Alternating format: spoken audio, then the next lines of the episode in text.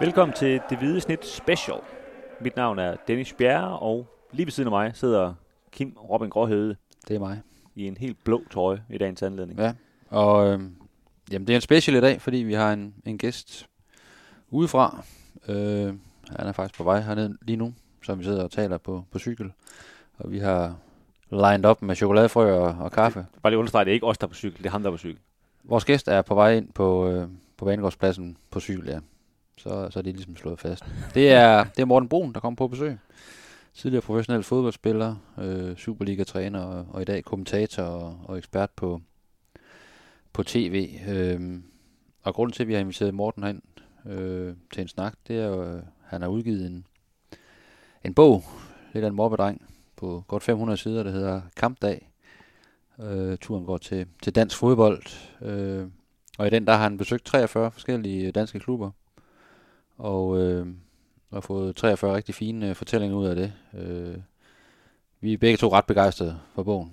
Er vi ikke Ja, det må man sige. Ja. Jo, Og det er, jo, det- det er det er også grund til, at vi, øh, vi har inviteret ham ind. Øh, for vi synes, der, er- der er rigtig meget at, at, at snakke om. Han besøger, som sagt, 43 øh, danske klubber, og de tre af dem er aarhusianske.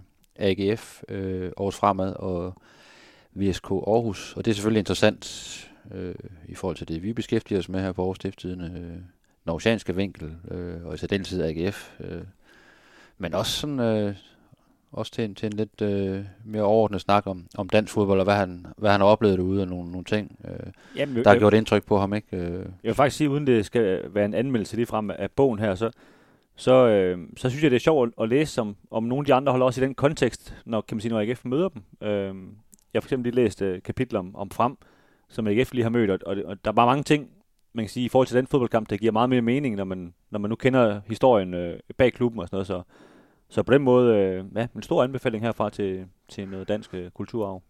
så vi, øh, vi ser frem til, at, øh, at Morten Brun han, øh, han dukker op. Han, øh, han ringer lige om lidt, når han, øh, når han står nede foran øh, hovedindgangen, og så går vi ned og henter ham, og så, øh, så håber vi, det bliver en, øh, en fornøjelig og, og, og god snak med, med, med ham om, om bogen og, og alt muligt andet. Ja, lige præcis. Så, så det bliver jo ikke så... Øh, det bliver ikke, kommer ikke til at handle om, om OB-kampen på, på, på mandag, og, og, og sådan kan man sige sådan helt konkret på, på det, der sker lige nu. Det er sådan, lidt, bliver sådan lidt mere op i helikopter, hvad er, hvad er AGF for en klub, og, og, og, og oceansk og dansk fodbold for, for en størrelse. Øhm, men det håber vi, I lever med, og så, øh, så vender vi jo selvfølgelig, øh, før I ved af det, tilbage med, med de mere klassiske podcasts. Kom nu, Dennis, for helvede! Nej, da!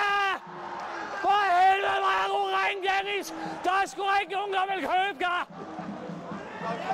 Du har ikke niveau til mere end Silkeborg! Det er sgu da også nice, fordi vi har jo været grebet af det hele vores liv, den der følelse af, hvor fedt det er at være på et stadion. Ja, lige nuagtigt. Lige nuagtigt. Men der er også nogle af de der hardcore fans, der begynder at tage til landskampen nu. Altså jeg sad sammen med nogen i flyet ned til, til Moldova, som var øh, OB, Brøndby og AGF-fans. Nå, okay, nu synes jeg. Ja. øh, som rejser sammen til de her landskampe. Nå. Så, så forenes de ligesom der for at skabe noget stemning. ja, og det er måske nogen, der sådan har set lidt ned på stemningen omkring landsholdet Ja, ja, i nogle nu år. prøver de ligesom at, at, at, Ja. at skabe en stemning ja, omkring det. Ikke? jamen, Altså, det, er- det, det, det er virkelig, virkelig Ja. sjovt at være Ja. derinde. ja, der er godt nok fart på. Hold da. op. Ja, det er fedt. Altså, det må man sige. Ja, det, det, er, vildt, det er vildt. Så, nå, skal vi springe ud i det? Ja. Ja, ja lad os gøre det. Jamen, øh, velkommen til dig, Morten. Tak skal du have. Du har jo skrevet en lille bog om, øh, om dansk fodbold. Den er stor. Den er stor, ja. Den ligger lige her foran os på, på bordet. Kampdag. Godt øh, 500 sider. Øh, men øh, en god bog, vil jeg, vil jeg sige, for egen regning i hvert fald. Rigtig lidt sværdig bog. Du har jo været øh, rundt i, i det ganske kongerige, besøgt, er det 43 klubber? Ja. Øh, ja, og du har virkelig været rundt i, i alle kroger, som man også har været på Bornholm. Og, ja. Ja, fordi det, det, var, det var jo sådan bogens præmis. Altså, hvis man skal kunne tillade sig en underrubrik, der hedder Turen går til dansk fodbold, Ja. så må man også hele vejen rundt. Og det var faktisk redaktøren på Politikens Forlag, der, fordi vi, da vi sad sådan og arbejdede med sådan nogle kriterier for, hvad, hvad, der kunne, øh, hvad der kunne kvalificere de enkelte klubber til, til bogen her. Der havde vi jo arbejdet med det samme. Jeg skrev en tilsvarende bog om engelsk fodbold, hvor, hvor det var sådan meget firkantet. De to bedste rækker, og så lige sådan et par wildcards. Men her har vi lagt sådan et geografisk øh, øh, kriterie Ja. ind over, således at vi når vi vil beskrive hele dansk fodbold, eller klubfodboldens historie i hele Danmark, så skal vi også på Bornholm, selvom de aldrig har haft et, øh, et hold i, i, i den bedste række. Vi er også øh, vi er i Nakskov, selvom de heller aldrig har været i den bedste række, altså Nakskov på Lolland. Sydfyn med, med Svendborg FB, som det hed dengang, har også været meget tæt på at rykke i den bedste række, uden at gøre det, og Tisted i Thy. Det er sådan de fire områder, hvor man kan sige, hvor jeg er af geografiske årsager, fordi ellers, ja. de har aldrig haft en klub, som måske, som egentlig kvalificerede sig til, ud fra de andre kriterier, som jeg har anvendt.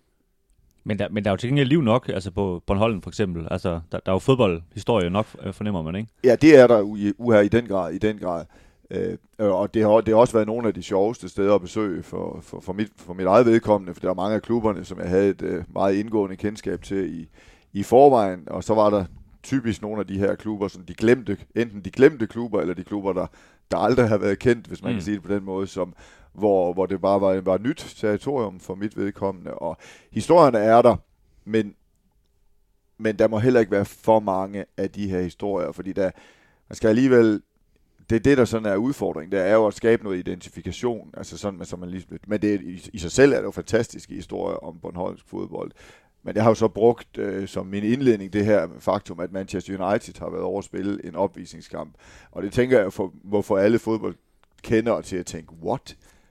Hvordan kan det lade sig gøre? Altså så vi ligesom får, får sådan en, en, en, en indledning, hvor, hvor folk tænker, okay, det, det skal jeg lige læse noget om. Ja, ja. Selvom mange, eller rigtig mange i Danmark, vil jo ikke lige vide noget om Rønne IK og Viking Rønne, men hvis de lige kommer i gang med det der med Manchester United har spillet en opvisningskamp i Allinge, så er det jo som et håb, at de læser men, hele Men det er jo sjovt det der med, at der er tre klubber i Rønne, som, Jamen, det er, som bekriger hinanden. Du ikke? kan skrive, kan... du skrive en hel bog om, ja. om fodboldscenen i Lille ja. Rønne, og det er, jo, det er jo virkelig den aller, aller skønneste beskrivelse så i hele bogen af bror, når jeg er ude og holde foredrag, det her med Allan Kuhn, som er søn Hammer Hasse, hans bror, øh, er jo, øh, øh, deres far har spillet for Rønne IK, og han beordrer dem jo til, når de skal til træning, selvom hvis de går forbi parkeringspladsen hen til Rønne IK's klubhus, og går forbi Vikings klubhus, så, så er der 100 meter. Men, men han siger til dem, at de skal gå hele vejen rundt om stadion, og så er der så 500 meter. Ja. Så altså, det er jo bare sådan, det, det, så kommer man jo til at elske fodbold, når man hører sådan det er en historie. Det, det er det fodbold, der kan. ja, men du har, du har alle danske mestre med i, i bogen, ja, og du har alle, alle hold, der har der har spillet med i Superligaen også, ikke? Jo, øh, og i næsten tid. alle, der har været i den bedste række. Ja. Dog ikke alle, men det er rigtigt. Al, Superliga, ja. en, mindst en sæson i Superligaen er en sikker billet, og dansk mesterskab er naturligvis også. Ja. Men lad os dykke lidt ned i, øh, i bogen. Vi kommer selvfølgelig øh, lidt senere til øh, at snakke rigtig meget øh, Aarhus, og også de aarhusianske klubber, du har med i, øh, i bogen, og, og, og særligt AGF, fordi vi er jo trods alt en, en AGF-podcast, og det, det interesserer vi os jo lidt for her. herinde på Pedalens kontor, ikke, når vi optager podcast, det hvide snit. Men øh, sådan først, så kunne jeg godt sådan tænke mig lige at vide, øh, du måske lige sådan øh, give læserne indblik i, hvorfor det er, du har skrevet bogen, og hvad det egentlig er, der, har, der sådan har drevet dig i, til, til at skrive den her mobbedreng. Jeg har tidligere hørt om folk, som har skrevet en bog om et eller andet givet emne i, i udlandet, som så har fået den samme tanke, som jeg fik, da jeg skrev Matchday om engelsk fodbold, med at der måtte også ligge en historie i mit eget land. Og, og, og den tanke fik og det var også noget af det første, redaktøren på Politikens forlag spurgte om, da han fandt, fandt ud af, at jeg, godt, at jeg godt kunne skrive, og det kunne give mening, at øh, så var det jo oplagt. Hvad, hvad med, øh, når nu lige støvet har lagt sig efter Matchday, at jeg en, en dansk version. Og det, det, det afviste jeg ikke på noget tidspunkt, men, den, øh, men uh, ideen skulle sådan lige ligge og, og tage form, og det gav også mening, eftersom at jeg jo af rettighedsmæssige årsager er kommet til at beskæftige mig meget mere med Superligaen, end jeg tidligere har gjort, og meget mindre med, med engelsk fodbold. Men altså det, det, som, det, som jeg var optaget af i den der fase, det var at finde ud af, hvordan kunne jeg give kampdag et, et andet twist. Det, der, det har fået et, et andet personligt touch, kan man sige, eftersom jeg jo har været inden for murene alle steder i dansk fodbold, og jeg kan komme inden for murene. Altså, matchday er egentlig på mange måder i, i princippet en turistguide, kan man sige, mm. hvor, øh, hvor kampdag går et par, par skridt øh, dybere, et par spadestik dybere, dels via mine egne oplevelser. Jeg har jo desværre kun, eller, jeg har kun spillet på ét stadion i England, og det er så heldigvis Wembley, når det nu skulle være. Men det kunne have været godt for matchday, hvis jeg havde spillet på alle de andre stadioner. Ja. Og det har jeg jo næsten øh, dem alle sammen her i, her i, i, i Danmark, så, så det har jeg naturligvis brugt, øh, sådan, sådan drysset ud over øh, kapitlerne som et eget personligt krydderi. Og så har jeg jo lavet det her med, at, øh, at jeg har snakket med en to-tre nøglepersoner i hver klub, for, for derigennem at få noget hjælp til lige præcis at, at, at ramme den her klub rent. Altså, øh, plus at der er kommet mange, mange synes jeg selv, øh, skønne portrætter ud af det, nøglepersoner øh, fra forskellige epoker, som kunne fortælle om, hvad er det her for en klub. Og så øh, det, der er meget vigtigt, er, at der er altid en aktuel person øh, med, med i kapitlet, fordi det er, det er selvfølgelig en, en, en, en kamp, der er en bog, det er sådan dansk klubfodbolds historie, kan man sige, dansk klubfodbolds øh, kulturhistorie, men det er også en bog, hvor jeg forsøger at placere de enkelte klubber i det nuværende fodboldlandskab, om man så må sige. Altså, Øh, en klub som B1909 fra Odense var jo engang den største klub i Odense, men det er det jo ikke længere, så langt fra. De ligger i den femte bedste række nu. Sjette bedste, vil lige Nej, femte bedste. Øh, de ligger i bunden af Danmarksserien. Og der skal jeg jo både fortælle om deres glorværdige historie, at de har vundet det danske mesterskab to gange, de mødte Real Madrid i Europakoppen, og så den, deres øh, nuværende position i dansk fodbold, hvor det er en af, en af de klubber i landet, der kæmper hårdest med det, vi kan sige, øh, øh de udfordringer, som det nu giver at have rigt, rigtig mange øh, danskere af, af anden etnisk oprindelse, og, og det er jo der, hvor B909 er i øjeblikket. B909 drømmer jo ikke om at komme op og udfordre OB. B909 er en klub, der skal overleve fra dag til dag, om at, at, at blive et samlingspunkt ude i, i, i den bydel, bydel, hvor de hører hjemme i Voldsmose, og på den led spille en rolle. Så det er også det er væsentligt at fortælle klubbernes historie, men også fortælle, hvor er klubberne i det aktuelle landskab, der hvor de befinder sig. Men, men det er jo også interessant med det her med B109, at, at de troede jo, dengang de flyttede ud til Voldsmose, Altså, de troede jo ikke, at de skulle være et, et integrationsprojekt. Nej, eller, nej, den nej, det derud, vel? Altså, det er bare det, de bare endte med. ja, og, og det var jo noget, som... Øh, det var jeg egentlig ikke øh, klar over, og det er jo derfor, at det har været rigtig givetigt for mig at tale med nogen, som, øh, som kender 1909, fordi man, jeg har måske haft sådan en idé om, at det var sådan en dødsdom for B1909, at de sådan nær, nærmest blev deporteret øh, fra deres gamle anlæg i, i Koksgade ind i, ind i Odense, men de var jo lykkelige i B1909, for de havde ikke ret meget plads på det i, i øvrigt hyggelige og anlæg i Koksgade, der kom de ud, og, og, og klubhuset på, ude på Gillested Park er virkelig, virkelig flot. Altså, og, faciliteterne, der Viggo Jensen, som jeg gik rundt med derude, han har jo spillet i B1909, han sagde, at det her var på højde med det, vi havde i Bayern München i, i, i begyndelsen af 70'erne, og det er der 1909 rykker der ud. Og der tror man jo, at Voldsmose bliver en bydel for, for middelklassen, men det, ender, det, det viser sig jo så af samfundsmæssige årsager, at det bliver en meget belastet bydel, en bydel, der minder rigtig meget om Gellerup her i Aarhus. Ikke? Og, og det er jo bare svært at, at skabe en professionel fodboldklub, når man kæmper så hårdt for bare, om jeg så må sige, at overleve. Altså, det er nogle andre udfordringer, man har i ungdomsafdelingen i 1909, end man eksempelvis har i OB, eller man eksempelvis har bare her i AGF. Altså, så, så det er jo sjovt, at det er sådan en samfundsudvikling, som har, har i hvert fald haft stor betydning for, at, det, at 1909 ender som i hvert fald den sportslige taber af den trekamp, som der er i Odense, hvor det jo OB er jo alt dominerende i øjeblikket, hvor 1913 og 1909 er jo ikke engang divisionsklubber. Og de er jo, de er jo et meget godt billede på, øh, hvor, hvor mange rigtig gode historier der er, når, du, når man dykker ned i, i, de, i de danske klubber. Selvom vi er et lille land, ikke, så er der utrolig mange forskellige klubber med vidt forskellige historier, også der, hvor de er i, i dag. Ikke? Det, det, jamen det er jo helt sikkert, og det er jo også noget, synes jeg, det skønne øh, ved, ved kamp, der, at der er jo sådan en, der er jo en grundfortælling i enhver fodboldklub, hvor man jo man forsøger jo at, at skabe sig en position, og man forsøger også, og man er også forenet i et ønske om at gøre det så godt som muligt, øh, enten vinde det danske mesterskab, eller rykke op i, i divisionerne. Altså det, det er sådan en grundfortælling, men derudover, så er der jo en masse forskelligheder, og også nogle forskelligheder, som, hvor man kan sige, det er udefra kommende omstændigheder, der, der er forskellige af de gamle værftsbyer,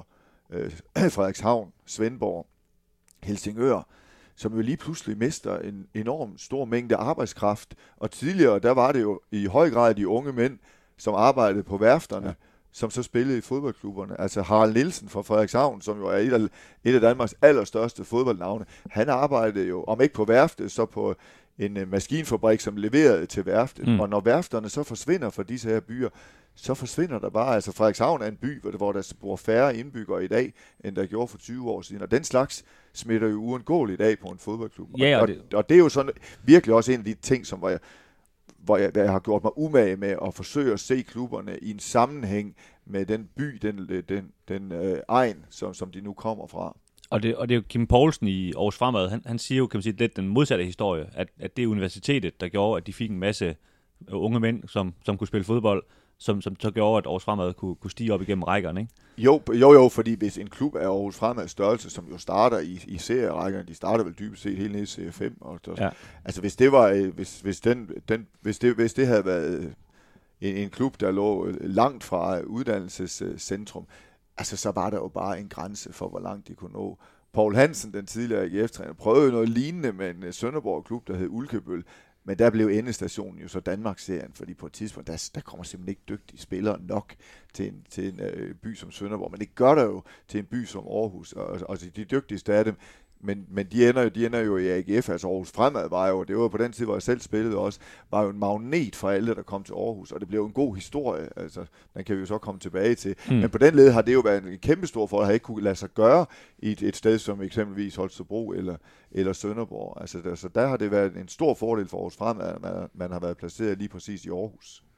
Nu har du besøgt de her 43 klubber. Er der, sådan, er der, er der et sted, der, der sådan har gjort et særligt indtryk, eller som stikker specielt meget ud, hvis du sådan skal fremhæve øh, en klub, og der er gået lige i hjertet, eller øh, på en eller anden måde har... Ja, men det, det vil jeg gerne gøre, fordi øh, øh, Nakskov, som hed Nakskov Boldklub tidligere NB, og i dag hedder FC Nakskov, er Nakskov og Lolland er gået hjerte på mig. Den hedder øh, kapitlet om, om Nakskov Boldklub hedder også uh, Love Storm over, over Lolland, og det er faktisk sådan, at om, om 14 dage, der runder jeg arbejdet med kampdag endeligt af.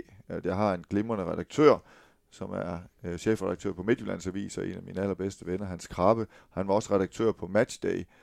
Og da Matchday var færdig, så tog vi på tur med vores, øh, med vores koner til et sted i England, som man ikke normalt kommer til for at se fodbold. Og der tog vi på tur til Sunderland. Og det, det, det er mig, der bestemmer, hvor vi tager hen. Fordi at et, og vi tager et sted hen, som jeg gerne vil vise dem. Og vi vil også gerne vise pigerne, hvad fodbold kan. Sådan et sted som, øh, som Sunderland. Og vi, vi havde en prægtig tur til Sunderland. Og jeg ved ikke, der, jo, der er jo nogle lighedspunkter øh, mellem, mellem Nakskov og Sunderland, hvis vi sådan tager det til, tager det til en anden skala. Øh, bortset fra, at Nakskov kommer aldrig nogensinde tilbage. Men vi skal faktisk om 14 dage en tur til Lolland Falster, så vi tager det hele med. Hele landsdelen er faktisk gik i hjerte på mig, så vi skal se Nakskov mod Tuse om lørdagen, og så skal vi jo selvfølgelig på, øh, på udflugt over. Vi skal se noget, der hedder Dodekalitten, som er meget spændende. Vi skal i Maribo Domkirke, og vi skal spise på Claus Meyers øh, uh, ja. øh, hotel og overnat der, og så skal vi ind og se Nykøbing FC, som jo er Claus Meier, jo kokken, der er meget involveret i spil mod fremad Amager om søndagen, og det bliver, der er kæmpe forventninger til den tur. Jeg elsker, jeg glæder mig sådan til at vise dem, de her klubber, og hvad Nakskov angår, så har jeg bare sådan, øh, folk fra min generation, og det er det sjove ved det, de, øh, når man siger navnet Kurt Hansen, I for unge, Ja, det er vi. Øh, ja, så, så, eller, eller hvis man siger Nakskov, så siger de alle sammen Kurt Hansen.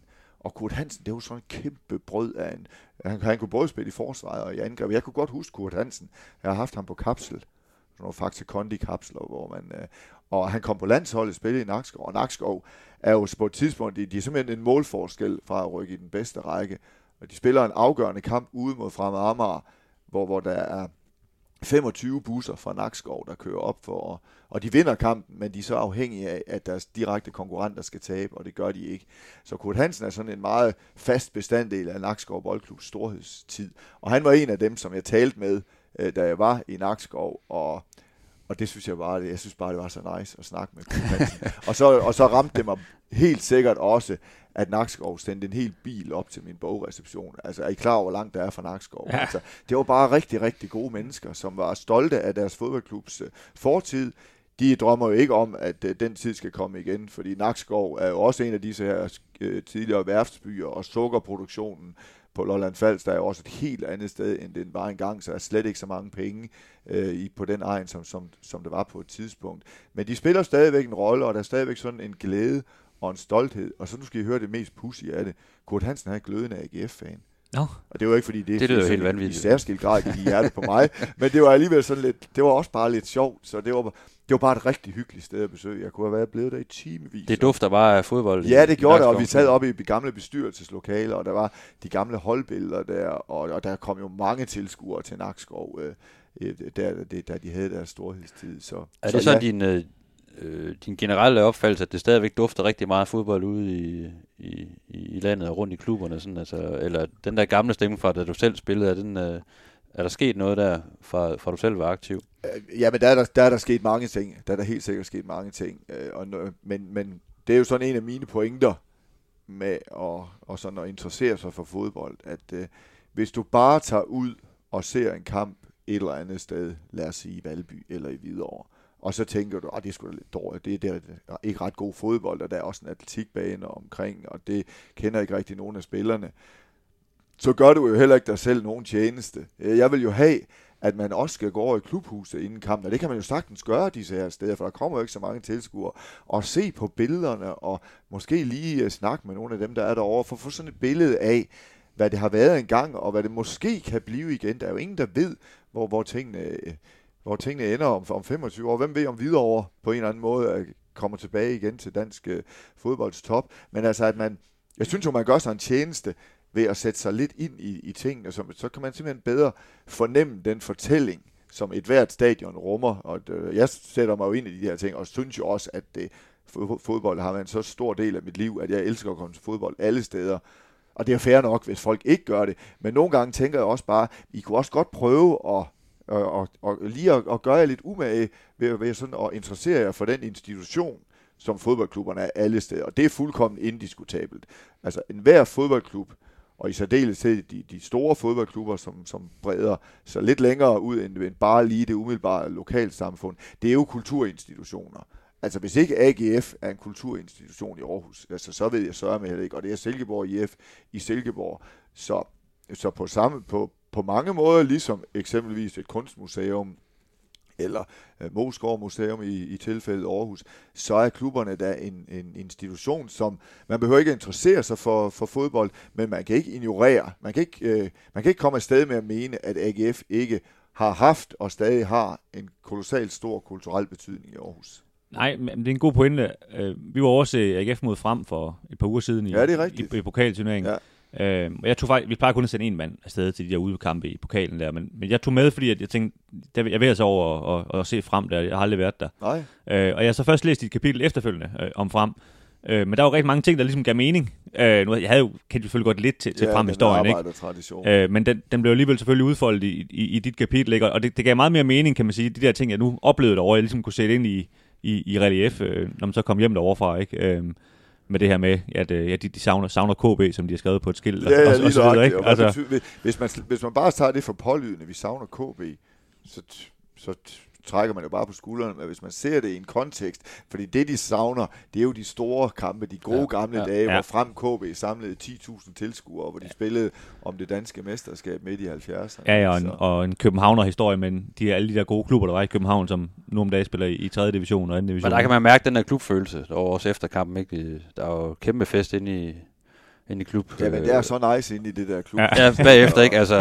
de har lige tabt øh, til AGF, ikke? Og røget pokalen, men der var bare øh, høj musik og, og Ja, hvad, hvad var hed jeg, deres højre bak, øh, som havde været pivring faktisk for at sige det lige ud, men han blev bare hyldet over i det klubhus der, ikke? De synes bare, det var Ja, skide ja. godt, ikke? Altså, Ja, men- Altså, da, da AGF var nede i første division, jeg har prøvet at sidde og skrive nogle, øh, nogle reportager hjem derfra, hvor jeg sad over i klubhuset og skrev bagefter, hvor folk bare væltede rundt, ikke? Og drak Ja. og havde det sjovt og sådan noget. ikke? Det, det er et fantastisk sted. Ja, men det er nemlig på mange måder Ja. et fantastisk sted. Per Vind, øh, øh, klubrekordholderen i frem, siger jo også, at det, er sådan et sted, hvor, hvor der er plads til alle, og det gør de jo også en dyd ud af i, i boldklubben frem, at det er ligesom det, er ligesom det som de står for, og det er jo også i nogen grad, der er også noget polit, politisk over frem, altså det man placerer sig på venstrefløjen, Ja, ja. det tror jeg Ja, rigtig ja. mange, eller det ved jeg, at der er rigtig mange af deres fans gør. Det var det sted, hvor jeg var allermest ked af, at øh, bogen er lavet i den sæson, der var, som kommer til at blive kendt som coronasæson. Nå, ja. Øh, fordi der var ingen tilskuere, der var over at se dem spille Nej. mod FC Jammerburg. Der lige præcis i Frems tilfælde ville det have været dejligt, for jeg ved, deres øh, tilhængere er meget farverige, og der behøver jo ikke at være mange hundrede af dem, før det lige sådan giver kapitlet lidt ekstra. Der det er lugter ude- lidt af fjolletobak. Ja, det, Ja, ja, det gør det det nemlig. der er ude at se Brøndshøj, der, der var restriktionerne jo på 500, men, men det, var bare, det var bare langt bedre end ingenting. Altså, og så er der jo mange af, af stadionerne, hvor, hvor, hvor jeg har været massevis af gange, og hvor jeg ikke nødvendigvis behøver at få den oplevelse af, at der, at der, at der lige er tilskuer i den sæson, hvor jeg lavede, hvor jeg lavede bogen her, fordi jeg ved udmærket godt, hvordan, det, hvordan øh, der er på, øh, på, på stadion i Randers og på stadion i Aalborg, ja, når, ja. når der er masser af tilskuere. Ja, Brøndshøj er frem og nogle de der, det minder meget om hinanden egentlig. Der, ja, der absolut. kan man godt mærke de to virkelig. klubber minder ja. rigtig meget om hinanden. Ja. Ja. Der, er, der er et stykke vej der til, til Vendsyssel og, og VSK. Det er nogle lidt andre oplevelser. Ja, men, det, men det, det var jo det gode ved det. At, øh, og det er jo også noget med nogle gange, altså så skal man jo lede efter historien, og nogle gange skal man være heldig. Jeg kendte ikke, hvis vi nu bare tager Vendsyssel, fordi jeg ved, at vi kommer tilbage til den anden klub. Jeg vidste ikke meget om Vendsyssel. Altså, det var det, det var det gamle Jøring, og jeg har aldrig spillet i den samme række som, øh, som Jøring faktisk. Jeg har aldrig spillet en kamp op på deres nuværende stadion, og de har kun været en sæson i Superliga, men jeg vidste, der var en forretningsmand, øh, som hedder Jakob Andersen, som sådan var en form for mæcen, eller noget. Jeg havde bare lige hils på ham i forbindelse med en Superliga-kamp. Og ham tænker jeg, okay, det, det er sådan lidt et skud i, i blinde, fordi jeg har ikke rigtig en fortælling om Vendsyssel. Og så ringer jeg til ham og siger, kan du ikke fortælle mig, hvorfor, hvorfor du egentlig bruger så mange penge på Vendsyssel? Så jeg synes bare, at han var en utrolig charmerende mand. Altså så også sådan en, Jamen, nogen vil sige, at han er en smart forretningsmand, og det er han sikkert også, men det er også bare en, han har også bare et hjerte at fortælle om, hvordan han cyklede ind for Skibsby Højne, ind for CHI, som de kaldte Jørgen i, i, i de gode gamle dage. Ikke? Så der er, også en, der er også et fodboldhjerte, der banker der, og han, han, der var bare noget over ham, og, det, og så havde jeg fat i Jakob Kryer, som har været sportschef i Jørgen i mange år, og kunne fortælle den ene vanvittige historie efter den anden, om hvordan de kæmper mod nedrykning, og det er, og han var en sindssygt god fortæller, Jakob Kryer, og det var også en på, det var nogle gange, så har man sådan en, en fornemmelse af, at folk, øh, man, jeg, nogle mange af dem kendte jeg jo også øh, rigtig godt, og har jo så også skælet til det, jeg vidste om. Jeg vidste godt, hvem der kunne fortælle en god historie i mange tilfælde. Men, øh, men i Vendsyssel var jeg egentlig sådan på, forhold, på, på, på bar bund, og, og jeg, jeg, jeg synes selv, jeg holder meget af kapitlet selv, for jeg synes, det var sådan nogle gode fortællere, og de er sådan meget forskellige i deres sådan tilgang til det hele, og det er jo også en mærkelig klub, altså, det er det jo bare, så, mm. men, øh, men, men den har også sin helt egen fortælling, som er anderledes end den, som sådan de gamle traditionsklubber, som Vejle Boldklub og Esbjerg FB kan, kan, kan byde på. Hammerholds pludselig er død præge hele optakten til kamp mod OB i dag. Efter at bolden var givet op, holdt de 8.700 tilskuere et minuts stillhed til at få den dynamiske Aarhus fremadledere. Jamen lad os zoome lidt ind på, øh, på Aarhus. Det er jo den by, vi, øh, vi befinder os i lige nu, og du er også bosat her i, i Aarhus, øh, Morten. Øh, du har jo tre aarhusianske klubber med i, øh, i din bog, øh, VSK Aarhus, Aarhus Fremad og, og AGF. Og der er selvfølgelig også nogen, du har, du har udladt, selvom man måske... Der har nok været en proces, tænker jeg, i forhold til øh, nogle klubber, du...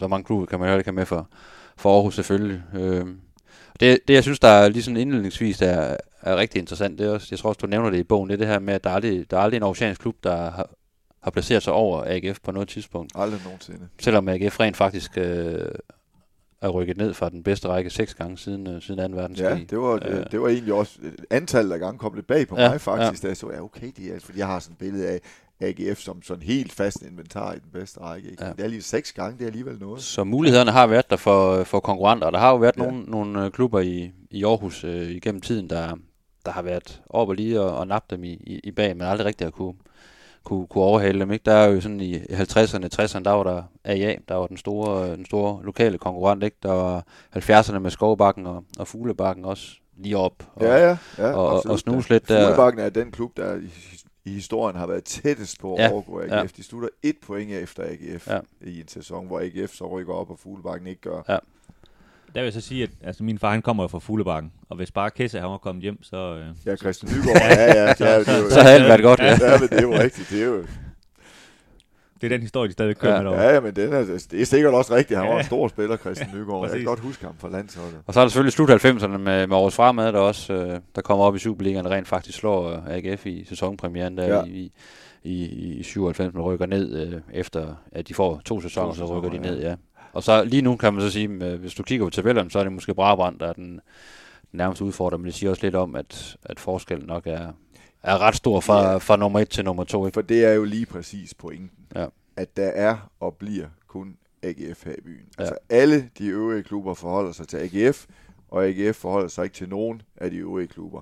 Og det er rigtigt nok, hvad Lars Lundqvist, der jo om nogen øh, er kender af, af Aarhusians fodboldlegende, både i IK Skovbakken som spiller og i AGF som spiller, mange år i træner i Brabrand, og jo også træner for AGF i nogle vigtige Ja, år, ja. altså med til at redde AGF fra en nedrykning på et meget vitalt tidspunkt. øh.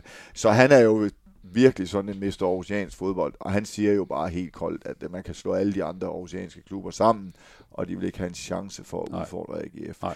Og, og det, vil jeg, det skal være min påstand, at selv i de sæsoner, hvor der har været andre aarhusianske klubber i samme række som AGF, og der ikke har været ret stor pointafstand, så har de ikke været i nærheden af at udfordre AGF sådan på, på den lange bane. Nej, altså, nej. AGF er og bliver storholdet i aarhusiansk fodbold. Men er det, nu kommer det så til at handle om AGF alligevel, og det er jo meget typisk, men er det, er det den der historie med, med 50'erne og sådan noget, der, altså, der stikker så dybt? Eller, altså, hvorfor tror du, de andre har så svært ved at, at bare udfordre dem øh, på nogen måde?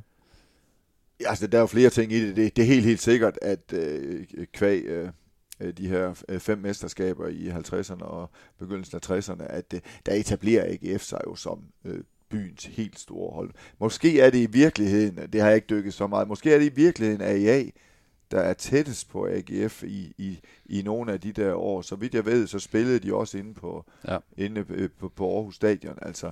Og det gjorde jo, øh, det gjorde jo, jo, Skovbakken gjorde jo, men, men det der har været, og det kan jeg jo sige som, som modstander øh, hold, når vi mødte Aarhus Fremad inde på Aarhus Stadion, så følte vi, at vi var på hjemmebane. Mm. Vi følte simpelthen, at det var nærmest Ja. mere vores stadion, det, det var deres. Altså, og det, det- der har bare ikke været, de havde, de havde mange tilskuere til kampen mod, mod AGF, men ellers så er der jo bare en begrænset interesse for, for Aarhus Frem, og det var det jo også for Skovbakken øh, øh, tidligere. Økonomisk har de været i en, i en helt anden liga, og, og, og sådan også med, med sponsorer og det hele. Altså, så, altså jeg har aldrig haft en fornemmelse af, at nogen klub var, var, var tæt på at overtage AGF. Så skulle AGF lige frem være gået konkurs, og det har jo også været ganske tæt på, men der er bare nogle, der, der, der er bare noget, der gør, at øh, AB altid vil være dominerende i nordjysk fodbold, i aalborgensisk fodbold, til trods for, at der har jo også været, været år, hvor de har faktisk blevet overgået af, af, af Nørre Sundby, men det vil altid være AB. I, i Silkeborg, som er en mindre skala, men der er jo også nogle mindre klubber rundt omkring, der vil jo altid være SIF, og i, i, i Randers var det jo altid Freja, der i den sidste ende, selvom Vorup var op og, og, og true dem. I Vejle er det altid Vejle Boldklub, det er aldrig Vejle Kammeraterne, og sådan kan du, sådan kan du simpelthen tage øh, byerne en efter en. Ja, og du sige- nævnte også med OB tidligere. Ja, og det, det kan man sige, der var det jo faktisk 1909, som var større end, kan man i hvert fald ved mål på sportslige resultater i, i 60'erne, var den store klub i Odense, men der var alligevel ikke større forskel på de tre klubber, 13 og OB og 1909. Det var egentlig alle, tre, alle tre, kan man sige, på, på nogen, i nogen grad store klubber. Og så, så der, var, der var sådan lidt mere up for grabs, mm. som man siger øh, på engelsk, og det har jeg ikke følt, at det, at det, har, at det har været tilfældet. Jeg kan ikke lige komme på en by, hvor det egentlig har været, har været, har været tæt på, og jeg mener heller ikke, det har været tæt på i, i Aarhusiansk fodbold nogensinde. Så det er, også, det er også korte perioder, de her klubber så har været over, ikke? Altså, ja, det ja, jo det, var, det var tre år i, i træk ikke? i 50'erne, så tror jeg, var en enkelt sæson i, i 60'erne, er det ikke rigtigt? Og Jo. Skovbakken to sæsoner, ikke? Altså, det er jo Fremad to sæsoner. to sæsoner, ikke? Der, er, der har ikke været sådan noget kontinuitet over Nej, det fra det, nogle og af de det er andre. jo helt symptomatisk for, Ja. for klubber af den her større. Altså, de har jo simpelthen bokset i en højere vægtklasse, end, end de reelt havde, Ja. havde mulighed for, ja. og kunne så kun, kun gøre det i, i korte perioder. Men alene det, at de kunne gøre det, altså historien om Aarhus Fremad, er jo uden sidestykke i dansk fodbold. Ja. Altså, at de går hele vejen til Superligaen, fordi de på al logik siger jo, at de burde være stoppet i i hvert fald i anden division i den tredje bedste række. Så det burde have været deres limit. Og så ender de jo alligevel med at lave de her t-shirts, så vi har et problem. Hvordan rykker vi op næste år? Ja, de rykker jo nærmest bare direkte op, ikke? I det år, altså. Jo, Mere jeg tror, de har en enkelt mellemstation, Ja. ja. hvor de lige trækker luft ind, men ellers så er det jo simpelthen, øh, det er noget videre at lave noget lignende i, øh, i, i, i 60'erne, og ender faktisk med at blive danske mester Ja. ja. fem år efter, at de har været i den fjerde bedste række. Ja. Ja. Men det, at Aarhus Fremad kommer helt nede fra de laveste serierækker, Ja. ja. det gør jo også deres historie unik i forhold til Hobros, hvor der ellers er mange af de samme elementer. Men Hobro var jo alligevel sådan en klub, der en, en del år havde ligget i sådan den tredje bedste Ja, række. ja. Aarhus Fremad kom jo bare med raketfart. Ja. Altså, det, man, man, man skal næsten have levet i den øh, epoke for... Altså, det svarer jo til, hvis du tog ASA i dag, Ja. og sagde, okay, altså om 10 år, så er I i Superligaen. Ja. Altså, det var jo helt vildt. Det var jo ingenting. Nej, Fremad, og de, havde, altså. de har godt nok et, kan man sige, et, et fint beliggende stadion, Ja, det har men, de. men der er jo ikke, det er jo ikke et fodboldstadion på samme måde, øh, som, som man nu kender det vel med, med, med tribuner og så videre. Nej, nej, det er jo bare sådan et beskedent seriestad, men det er rigtig nok, det, det har sådan noget over, som øh, Der, der er hyggeligt i hvert ja, fald. ikke? omkranset er super, super hyggeligt. Det er jo sådan min, øh, min anden hjerteklub, kan man sige. Og, og udover Lysing, han har sagt, som, øh, som jeg også ved, du, du træner i, ikke? Ja, Lysing er jo blevet min øh, anden, øh, anden hjerteklub, men der var jo det, ved, da, da jeg spillede i Silkeborg, der, der, der, der, der trænede vi jo typisk om lørdagen, og så var der kamp søndag. Og det var jo det var den pris, man skulle betale for at være øh, topspiller dengang, og, og være ung menneske i Aarhus. Der var mange ting, jeg godt kunne have tænkt mig at gøre lørdag aften, øh, så, som jeg ikke var afskåret fra at gøre. Så det var jo bare et spørgsmål om at få tiden til at gå. Altså, jeg kan lige tydeligt huske, at vi trænede i Silkeborg ved middagstid, så spiste vi frokost og havde taktikmøde, og så var jeg tilbage i Aarhus kl. halv to, og så skulle jeg egentlig bare have tiden til at gå de næste 24 timer. Så jeg tog meget ofte op på Rigsvangen, for at se Aarhus Fremad spille tit øh, lørdag eftermiddag, og spille tit lørdag kl. 14, det passede perfekt. Og jeg så dem i Danmarksserien, og jeg så dem i den tredje bedste række, og jeg har aldrig drømt om, at, at, at jeg selv skulle komme til at møde dem i Superligaen. Og, og jeg synes, det er en fin krølle på historien. Jeg er rigtig glad for, at jeg rent faktisk har spillet i en af de fem Superliga-kampe, der har været afviklet på Rigsvangen stadion. For jeg følte sådan, det var full circle, Mm. at jeg Ja, havde ja. fulgt dem der, og, og altid, altid bare synes rigtig godt, godt om den klub, og det er også, den, der har et meget godt ry i Aarhus. Altså. Folk, folk, der har været i Aarhus fremad, og det lægger man jo mærke til, de fortæller altid så positivt om klubben, og det var jo også en magnet for de studerende, fordi de gad ikke rigtigt at køre helt ud til, til Brabrand, eller til Lysing, eller, eller op i Nordbyen. Altså, den har den der fine beliggenhed. Så jeg sætter meget stor pris på, at vi, øh, at vi at jeg har prøvet at spille en, en, en Superliga-kamp øh, på Rigsvangen stadion. Ja, så kan man sige, selvom det er jo, det er jo en dybt tragisk historie, men man kan man sige, alle gode historier har jo også nogle, nogle vendepunkter, nogle nedture, eller man skal sige, og det, det har de jo også i, i sandhed med, med Jan Hammerhold, der, der, der begik selvmord i, i, jeg tror var det i 98, ikke? Det var i 98 inden Ja. den første kamp i, Øh, i foråret. På, Der. ja, på, på, på selve dagen, ikke? Øh, Og man kan sige, det, det er jo selvfølgelig en, en meget, meget tragisk historie, egentlig det mest tragiske historie i dansk fodbold i virkeligheden, men det, men det gør jo også fortællingen sådan lidt mere mytisk om, omkring års fremad, ikke? Ja, men der, der er jo nogle skæbne fortællinger, og det er egentlig også et af, et af, et af de lag, der er i bogen, at jeg også gerne vil fortælle sådan, at øh, udbrede sådan en fortælling om, at man er jo ikke galvaniseret mod ulykke, fordi man tilfældigvis øh, har været en, en, en, en top fodboldspiller. Altså, der er jo nogle tragiske historier nede fra Svendborg, hvor John Eriksen, som mange måske husker fra VM 1986, som var den f- mest målfarlige spiller nogensinde, øh, mål, mest målfarlige dansker i international fodbold, som får demens og dør som 44-årig. Der, der er Bent Vogn, som jeg har spillet mod, stor, stærk angriber, der er ramt af sklerose i, i dag og sidder i rullestol. Og sådan rammer skæbnen jo, jo bredt, kan man sige. Fandt vi jo så også ud af i sommer, da vores allerbedste fodboldspiller overhovedet, han, øh, han faldt livløs om på banen i, i kamp mod Finland. Og på samme måde er der jo en skæbne op i Aarhus Fremad med Jan Hammerholdt, som simpelthen til sidst ikke kunne stå for presset længere og, og begik selvmord, og som hans, hans enke Lone Hammerholdt fortæller mig, så var det jo ikke noget tilfælde, at han tog sit eget liv om natten inden den første turneringskamp øh, i, i foråret. Og øh, Jan Hammerhold kan jo af gode grunde ikke fortælle sin egen historie, men, øh, men jeg mødte jo, mødtes jo med Lone Hammerhold, og, og det synes jeg var et af de, at det, det synes jeg er et af de fine, en af de fineste passager i bogen. Hun fortæller naturligvis om, hun var jo en, en del af opturen, fordi de hele familien tog sådan meget del i Aarhus Fremads øh, liv. Men det var jo Jan Hammerhold, der mere end nogen anden tegnede Aarhus Fremad. Men det, der er det fine ved den historie, er jo, at øh, Lone Hammerhold er jo blevet i Aarhus Fremad og har en funktion i dag, som lige præcis det, hun er. Lone Hammerholdt, som hjælper til inde i kafeteriet. Hendes børn øh, kommer derop, og hendes børnebørn kommer derop. Øh, og, og det er jo bare sådan en rigtig fin menneskelig historie, som, som jo også øh, altså, som er med til at tegne det, jeg vil sige, et sympatisk billede af Aarhus Fremad. Og, og det var, det var virkelig taknemmelig over, at, øh, at Lone ville dele sin historie med mig. Og det, var, det, det er selvfølgelig altid, øh, øh, hvad skal man sige, øh, det, det er jo noget, noget, nogle følsomme emner, men det er jo også nogle emner, som man ikke må vige, vige bort fra, fordi det, det havde, jeg havde ikke noget indtryk af, at hun havde noget imod at fortælle historien. For hvis hun havde, så kunne hun jo bare have sagt nej.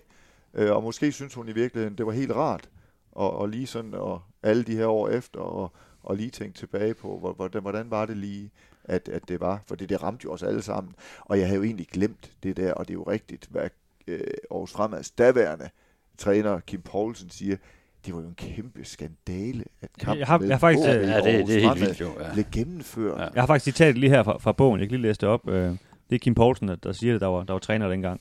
Øh, jeg mener den dag i dag, at det var meningsløst. Tænk, øh, at kampen ikke blev udsat. Det var forkasteligt. Hvis den slags var sket for en af de store klubber, øh, var kampen aldrig blevet spillet. Jeg giver ham 100% ret. Ja, og, og man kan sige, man kan jo godt trække nogle tråde til den her Christian Eriksen-ting under EM også, ikke? Hvor, hvor vi som danskere måske også følte, altså havde det været England eller Belgien, så, så var det bare blevet slut her, ikke? Men, men der kom nogle, nogle store bosser, der bare sagde play, ikke? Ja, det kan godt være. Jeg, jeg, det, den, jeg har nok ikke lige tænkt det i, det, i, i den kontekst, men øh, nu du siger det, kan der måske godt være, være et eller andet der, men øh, man kan så sige, at øh, der er den væsent, væsentlige forskel, at Christian Eriksen overlevede, og det gjorde Jan Hammerhold Ja, ja. ikke, men, men ja, og jeg har egentlig, jeg, ved ikke, om jeg havde glemt det, jeg kan godt huske det, da, Kim Poulsen øh, fortalte om det, og jeg, kan, jeg elsker den indignation, som han sagde det med, altså selv alle de her mange år efter, det, det, kunne han bare ikke, øh, det kunne han bare ikke leve med, Kim Poulsen, at det, var, at det var det, man gjorde. Og han var jo ikke en del af det. Han tog jo ikke med op til kampen. De var uden træner. Han, han Øh, tog til familien, øh, Ja, han bogen vil simpelthen her. ikke være en, en del Ja. af, af, af at spille, spille en, en vigtig Superliga-kamp Ja. øh, samme, inden for samme døgn, hvor, hvor, hvor Mr. Aarhus Fremad havde taget sit eget liv. Men jeg kan, altså jeg kan stadig huske den dag, dag en spiseseddel fra, fra BT eller Ekstrabladet, hvor, hvor Søren Hermansen er jeg ret sikker på, der ligesom står til at give bolden op, og der er det her øjeblik stillhed, som der jo altid er i, i forbindelse med en slags triste begivenheder, ikke? hvor han så ligesom står og tørrer en tårer væk, og så, altså, det der, det, man kan, det kan slet ikke nogen mening, at han skal til at spille en fodboldkamp, Nej, det gjorde det ikke. Det jeg gjorde ikke, det otte timer efter, han har fået, fået at vide, at og det er jo, altså, han var jo ikke bare en tilfældig formand, altså, han, han var jo den klub, Han ikke? var jo altså, Aarhus det var Mr. Fremad, Altså, ja, det er ja. 100 procent. Nej, det er nemlig rigtigt. Altså, det var jo ikke, ikke et ondt om holdleder eller noget, men, men han, det var jo lige præcis, det var jo den gennemgående figur i hele fortællingen om Aarhus Fremad. Han har også en fremtrædende øh, placering i historien om Aarhus Fremad, fortalt gennem øh, Lone og gennem øh, Kim Poulsen, fordi han var jo enormt innovativ. Altså, der var virkelig sådan... Øh, han har engang spurgt mig, om jeg ikke skulle ud og spille i Aarhus Fremad. Det synes jeg, der var innovativt. Det jeg- Men det skulle jeg nu ikke. Altså, du ved, det var altid sådan en, når man mødte ham op på Rigsvangen, der man tænkte, okay, det der, det er jo, det er jo, det er jo vanvittigt, det her. Men og han, der var også sådan et touch af vanvid over ham, altså, fordi der var bare sådan, der var, der var no limits, ikke? Altså, han Ja. udfordrede alle grænser på den fede måde. ja, det, var, altså. det var sådan noget med, at de fik, de fik firmabiler, selvom de spillede i Danmark-serien. Ja, ja, og ikke? alle Altså, mand var ja. med på træningslejr, selv uh, tredjeholdsspilleren og sådan noget. Det var ligesom, at alt kunne lade sig gøre, Ja. ikke? Altså, så det var, det var en, øh, en meget, meget farverig skikkelse i, i dansk fodbolds historie, og naturligvis i særdeleshed i Aarhus Fremad. Ja, og en, og en barsk historie, ikke? Man kan sige, klubben er jo faktisk på toppen der, han har ført klubben frem, ikke? Og Jo, jo, jo, det så jo vælger også- han at tage sit liv på. Ja, det er jo både en, Det- både en tragisk historie, men jeg vil jo... Altså, jeg synes jo, at øh, det, det vi skal huske Jan Hammerhold for, og det, skal, det, det er jo simpelthen altså, hans innovative øh, tilgang til fodbold, og det faktum, at, at han lykkedes med at, at føre en Aarhusiansk serieklub fra CFM til Superligaen. Altså, Øhm, nu ved jeg jo, altså dengang Jan levede, der, der kan man sige, han havde jo ikke noget godt forhold til AGF, eller hvad man skal sige. Han, han så jo vores fremad som ligesom vil udfordre AGF. ja, Øhm, også den, den kamp, du nævnte før, Kim, hvor, hvor de spillede på, på stadion, øhm, og hvor vores fremad, kan man sige, var på hjemmebane, jamen, så sagde vores fremad til AGF, "Men I går ind i udklæ- udholdelsesomklædningsrum, ja, selvom AGF ligesom synes, at vi, vi går der bare hen. Nej, Ja, ja. I går derover, Ja. og jeres tilskuer går over i, i udsvinget og så videre. Så de, de gør ligesom noget ud af at sige, her kommer altså en, en udfordrer. ja det var typisk Aarhus Fremad at Ja. gøre det der, og det er faktisk sjovt, det, det skriver jeg også i bogen, fordi øh, Øh, Lone Hammerholt fortæller meget nøgternt om forløbet omkring øh, Jan Hammerholds selvmord. Det, det er ligesom om, det er hun kommet forbi. Men, men da hun skal fortælle om AGF's arrogance i forhold til året Fremad, at, altså der kommer der noget op i hende. Der bliver hun faktisk en lille smule hissig. Og det synes jeg bare, det, jeg elsker det der, at hun stadigvæk sådan, tænker, ej fandme nej, altså, fordi det er fuldstændig, som du siger, AGF regner jo bare med, at man kunne afvikle kampen, som man altid afvikler kampe på Aarhus Stadion, underforstået, at det, det kan da godt være, at I rent teknisk har hjemmebane, men det er jo vores stadion. Men kunne det da ej, og, og det er nemlig lige, lige, præcis rigtigt, de måtte i udholdes omklædningsrum, og Ja. det, har også været, det må også have været en speciel følelse, men altså, det Ja. var godt set Aarhus frem, og de vinder jo kampen med 2-1. Ja. Det gjorde det nemlig ikke. Ja. Øh, men hvis vi så kører en, en parallel op til i dag, for, for et par år siden, der, der kom de med et nyt slogan, hvor de kaldte sig byens nummer to øh, Aarhus Fremad. Og det er jo selvfølgelig en, en, kan man sige, en, en henvisning til, at det ligesom overgav sig, eller hvad man skal sige, sige Ja. AGF, AGF er bedst, og I, kan sige, måske sagde jeg også til Aarhus, I må godt holde os med os begge to, vi er ikke, vi er ikke i krig med hinanden. Ikke? Øhm, altså er det også din oplevelse, der med, at, at de andre klubber ligesom har lagt sig, der, der er ikke nogen, der... Ja, fuldstændig. Fuldstændig. Altså, og det kan heller ikke lade sig gøre i dag. Altså, vil jeg ikke tro. Øh, altså, det, det som Aarhus Fremad Og, og VSK har måske også... Øh, Brabrand tror jeg, vi kommer til at se en lidt mere tilbagetrukken rolle. Altså nu, de har jo mange år, ikke Flemming Møller, Ja, øh, som har postet en, en, en del af sine egne midler i, i klubben, som Brabrand har en dårlig beliggenhed i forhold til at kunne udnytte det her faktum, at man er i en, uh, i en studieby. De har et rigtig godt træningsmiljø og har haft den samme træner i mange, mange år, Tom Søjberg. Men, men jeg frygter, det, det ved ikke, om jeg frygter for klubben, men jeg tror, de måske ender med at ligge omkring Danmarks De er lidt af lyseng, ja kan det, man sige. det er på mange måder nogle, nogle få mennesker, der er rigtig vigtige derude, tror jeg. Ja, og så sådan vil det typisk være i de der klubber. Det gør heller ikke noget som helst, vil jeg sige, i hvert fald set fra, ud fra en overordnet betragtning, at, øh, at klubber som OB Høj og Lysing og Lystrup og, og Brabrand, altså det skal være, det skal være sådan noget, der Jyllands Danmarks, øh, Altså Aarhus Fremad har en mulighed for at etablere sig i den, lad os sige, den tredje bedste række. Det vil jeg også mene, at VSK Aarhus har, trods alt, fordi det, det er byklubber med, mere, mere end de andre. Gamle AIA er jo også blevet til AIA Tranbjerg, og er jo heller ikke længere en byklub. Øh, så, så, og, og det er jo lige præcis den fordel, der er øh, for de her byklubberne, at de studerende, det er meget nemt for, og det kommer jo mange talentfulde fodboldspillere, som måske ikke lige er til at øh, fuldtidskontrakter i Superligaen, men som bare er mega gode til at spille fodbold, og så læse på Aarhus Universitet, og det har jo altid været en kæmpe stor fordel for Skovbakken og Aarhus Fremad, og det er jo, det er jo sjovt, at fortællingen om Skovbakken i så høj grad er fortællingen om en, en form for studieklub i virkeligheden, som lige pludselig vokser, vokser ud af de grænser, som der måske egentlig burde ligge for en klub som dem. Ja, ja, præcis. Og nu, nu nævner du Skovbakken, så der er også et, et herligt citat her fra, fra Søren Skovborg, som du har, du har talt med. Øh, og det handler ligesom om deres forhold til, til AGF, øh, hvor han så siger helt tørt her, det kan stadig redde min søndag, hvis AGF de taber. Ja, og han er omkring, jeg tror, han er omkring 70 år, Søren Skovborg, ja. og det er jo bare skønt, altså, fordi han var, altså, de var AGF var deres konkurrent for 40 år siden. Øh, VSK Aarhus øh, var en af de klubber også, øh, hvor jeg tænkte, hvad, hvad er historien egentlig her? Udover ja. at, øh, at det er en klub, der ligger tæt på Idrætshøjskolen i Aarhus, hvor jeg, hvor jeg arbejder, og vi deler træningsfaciliteter. Altså Vejleby Stadion er jo ikke, er jo ikke særlig fedt. Altså for nu at sige det rent ud. Og der kommer jo næsten ingen tilskuere til deres kampe. Hvis man synes, synes der er langt ind ude på Aarhus Stadion på grund af løbebanen, så skal man prøve at gå op ja, på, på Vejleby. Vejleby. at gå til Vejleby Stadion, og det er jo ikke noget dårligt. Jeg, det, jeg, har det jo ikke, jeg har det jo ikke skidt, når jeg kommer på Vejleby Stadion, men det er bare ikke særlig fedt stadion, lad os sige det sådan.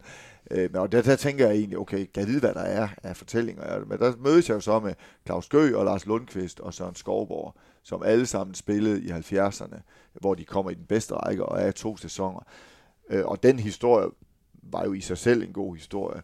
Men de kommer jo alle sammen, og det viser sig, og det gør næsten alle Skovbankens spillere, kommer fra universitetsmiljøet, og de er sådan meget 70'er bevidste om, om sådan deres, øh, øh deres øh, arbejdsvilkår, og det, det er jo lige præcis i de år, hvor professionel fodbold blev indført i, i dansk fodbold, at der, der, der er Skov, IK Skovbakken faktisk i den bedste række, så de indfører jo kontrakter, og Søren Skovborg har taget sådan et, og det han da foræret mig, det er næsten sådan en danefag for sådan en som mig, et gammelt referat skrevet på en skrivemaskine, hvor de her studentikose øh, Skovbakken spillere diskuterer, øh, hvordan med lønninger, om de alle sammen skal have det samme. Der er kun én i truppen, der går ind for differentierede lønninger, ellers så er de jo og som Lars Lundqvist også citeret for i bogen, altså jeg var socialist, og så forholder de sig oven i købet på skrift til, hvilke, sådan, hvilke egenskaber, som de spillere, som de eventuelt skulle hente ind udefra, skal have.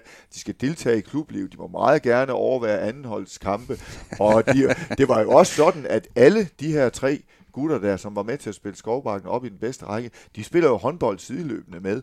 Lundqvist er åbenbart ikke så god, men han er jo modig, så han står i mål ja. og fortæller med stolthed, at han har, stået, har haft et clean sheet i en halvleg i en håndboldkamp. Kæft, det har været dårligt, de andre. ja, det må man jo formode. Men de to andre, de spiller jo i, i den bedste række i, i håndbold, også hvor IK Skovbakken var en magtfaktor, og Søren Skovborg ender jo med at og simpelthen at koncentrere sig om at, om at spille håndbold. Og han bliver i hvert fald enten pokalmester eller dansmester. Han bliver en virkelig topspiller i håndbold, ja. hvor Claus Gø og Lundqvist uh, satser, satser mere på fodbolden. Så det er jo, der ligger jo også et tidsbillede der, at den slags overhovedet kunne lade sig gøre.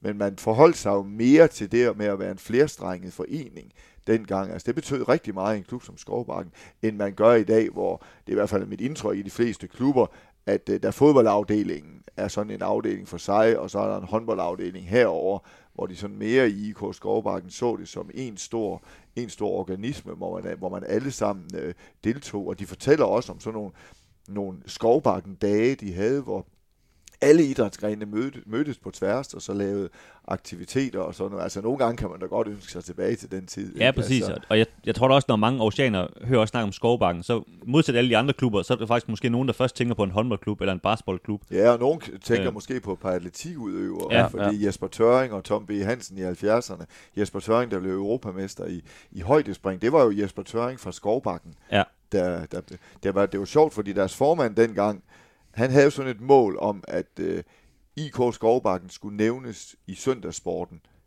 i hver eneste søndag. Og der havde de jo, et, de havde jo nogle skud, fordi de var gode både til håndbold og til fodbold og til atletik og Ja, nu er jeg lidt på usikker grund i forhold til deres basketballhold. Jo, det var det også, må jo øh, have været ja. ja. på bakken bæres, ikke? Ja. Så der var, jo, der, var jo nogle, der var jo nogle muligheder for at, at blive nævnt, og der var jo ikke ret meget søndagssport dengang. Det var, det var 10 minutter, som man skulle virkelig præstere for at blive nævnt. Men altså, det, det, det er jo sjovt, altså Skovbakken var en stor faktor, og jeg, siger, jeg tager også mig selv i at sige Skovbakken, og det, Lars Lundqvist sagde Skovbakken hele tiden, og så rettede Claus Gø, som jo er tilknyttet VSK Aarhus i dag, rettede ham der, at det hedder altså VSK Aarhus, Ja. ja. Lars. Nå ja, det er også rigtigt. Men, men der er det jo også, altså folk, der er opvokset i Aarhus, jeg tror stadigvæk, i hvert fald hvis de har min alder, de siger stadigvæk, at jeg tager op på Skovbakken. Ja, de skal derop, jeg skal op og se Ja. Skovbakken. Ja, Det ligger jo bare i... Ja, det ligger bare, altså, sådan, sådan har Ja, det altid ja. været. Ikke? så kan de komme med deres uh, fusioner. Ikke? Men, uh, Men der er jo mange, der snakker om Aarhus som den her, øh, den her fodboldby, øh, hvor feberen raser. Men, så det, det, det, det er kun sådan øh, i retning af, af AGF. Altså tror du, at, øh,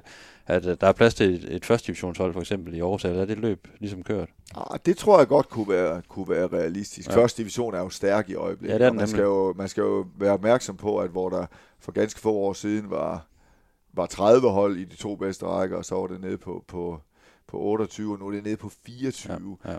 Så altså, realistisk set, så burde Aarhus Fremad jo ikke kunne komme derop, hvis man, hvis man kigger på budgetter og, og sådan øh, logistik og tilskueropbakning og sponsoropbakning.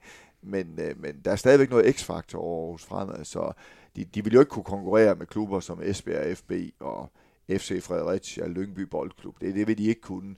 Men, øh, men måske på, øh, altså hvis, hvis tingene lige flasker sig, så altså de kunne vel lige så godt komme derop, som FC Jammerburg kunne.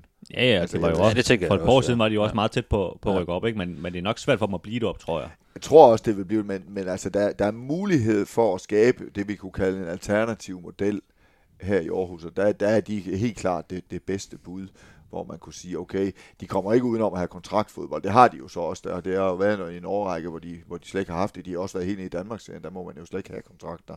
Men i dag har de, øh, tror de har, enten har de et niveau, eller også har de to niveauer. Så vi er egentlig tilbage til skovbakketiderne ja. med, At, med det samme øh, jeg tror, de får 4.000. Ja, Øh, og, og, men, øh, ja, men det er, det er nok rigtigt. Jeg blander det lidt sammen med B93, for de har nogenlunde den samme Ja, ja. Øh, konstruktion, men de har vist to niveauer. Okay. Og, og det, altså det, det har jo også en udløbsdato, hvis man, bliver, altså hvis man kommer jo i første division, og man måske siger, okay, vi er nødt til at have tre nye spillere, for stærke spillere, for at etablere, til etablere holdet så, er det jo, så kan man jo ikke nøjes med 4.000 i måneden. Så skal man jo så, så skal man måske sådan have resten af spillertruppens øh, accept af, at, øh, eller også så skal man have nogle aftaler med, så man kan lege spillere. Altså, de har jo lejet jo Elias Olafsson, Superligans Ja. ja. store navn, målmandsnavn og Ja, ja. Islands landsholdsspiller. Det er jo ikke mere end et godt et års tid siden, han spillede i, i, Aar, i Aarhus Fremad. Så jeg vil sige, at Aarhus Fremad har en mulighed. Det, det er helt klart mit bedste bud på en aarhusiansk klub, der kunne, der kunne komme op og, og, og spille nogle sæsoner i den næstbedste række. Vi vender, vi vender år. Så er det. Stærkt. Det tør du godt sige. Ja. 100. 100. Det gør vi. Sådan er det. Også for alle legendernes skyld. Vi har jo allerede snakket en, øh, en del om, om AGF, det kan man ikke undgå, når man, øh, især når man snakker om de, de andre øh, oceanske klubber, men selvfølgelig også dansk fodbold som, som helhed. Men nu har vi lige øh, dykket lidt mere ned i, i kapitlet om, om AGF. Øh, det er jo den store klub her i, øh, i Aarhus, jeg tror også, dit kapitel hedder vel også Storklubben. Ja, det gør, det, det, Ja. det gør det nemlig lige præcis. Det er der Øh, en grund til.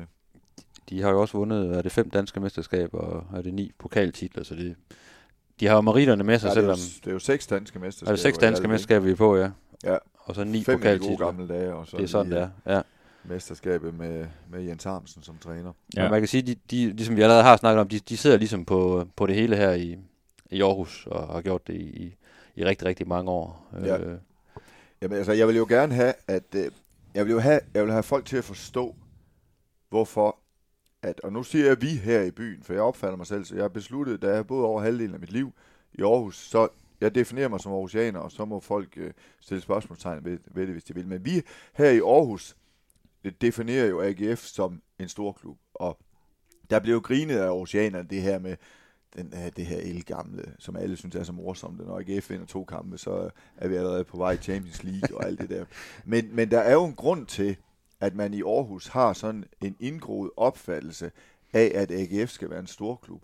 Og hvis man ikke ved, og det gælder både Aarhusianer og ikke Aarhusianer, at AGF har været klubben i dansk fodbold, så kan man jo så famler man jo i blinde, og så taler man jo bare mod bedre vidne, når man ikke kan begribe, hvorfor folk i Aarhus mener, at AGF hører til i den absolute top af dansk fodbold. Og det er jo her, hvor man kan bruge historien.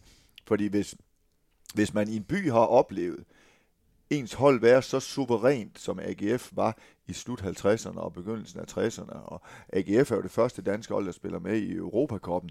Hvis man ikke har oplevet de der ting, og man ikke og det er der efterhånden færre og færre, der har. Men hvis man ikke har noget kendskab til de ting der, altså, så kan man jo ikke forstå, hvorfor der er sådan en, en indgroet øh, opfattelse i Aarhus af, at AGF skal være med helt frem. Fordi når man en gang har været god, hvorfor skal man så nøjes med det næstbedste? Det er jo det, lidt det samme som med det danske landshold. Så når man har når øh, danske landshold hviler på søjlerne fra 1984, 86 og 1992, så vil vi jo ikke nøje, længere nøjes med det næstbedste. Og det kan man jo sige, det er jo så i nogle sammenhænge AGF's å, men det er også AGF's forbandede historiske forpligtelse at leve op til. Og, og det er derfor, jeg har kaldt øh, øh kapitlet for storklub, for jeg mener, øh, at det er indiskutabelt, at AGF er en stor klub.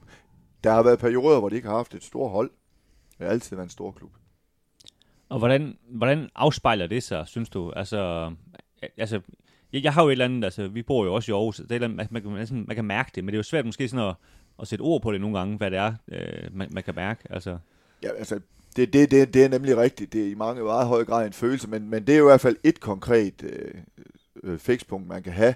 Jamen, de, blev, de har seks danske mesterskaber, der var, en, der var simpelthen en epoke, hvor det var landets indiskutabelt stærkeste hold. Det, det, det er det, en kendskærning, som man kan føre direkte frem til at sige, det er en af årsagerne til, at vi har en, en, en øh, opfattelse af AGF som en stor klub. Så spiller AGF på et stort øh, stadion, der, der, et flot stadion med en søjlehal og med, med, med statuer foran, øh, foran stadion, og med den her meget, meget flotte øh, øh, tilkørsel fra, fra Stadion Allé. Det er der jo også noget storhed over, i modsætning til mange af de øvrige danske stadioner, hvor man bare drejer om et hjørne, og så er man der ligesom bare, og så står der sådan et stadion uden den samme øh, sådan patos, hvis man kan sige det på den måde. Altså jeg har altid som spiller følt, at det var noget særligt at køre op af Stadion Allé. 100 procent. Altså også i de i perioder, hvor AGF var dårlige, og hvor, hvor vi med Silkeborg tog til, tog til Aarhus med en klar forventning om at vinde igen der var det noget særligt at køre op ad stadion allé. Det var helt anderledes, end når man kom til Odense stadion, eller når man kom til Aalborg stadion. Øh, der, der var bare et eller andet over det. Så selve byggeriet derude, og selvom AGF har haft dårlige tilskuertal i perioder, har stadigvæk været et sted, hvor man vidste, at der lige pludselig kunne, kunne komme mange. Altså, jeg har spillet for 21.000 tilskuere ude på, ude på stadion i en sæson, hvor AGF ikke engang var ret gode men hvor de lige pludselig havde vundet en 4-5 kampe i træk, og vi, vi taber faktisk 1-0, det, er, det må være i foråret 1995.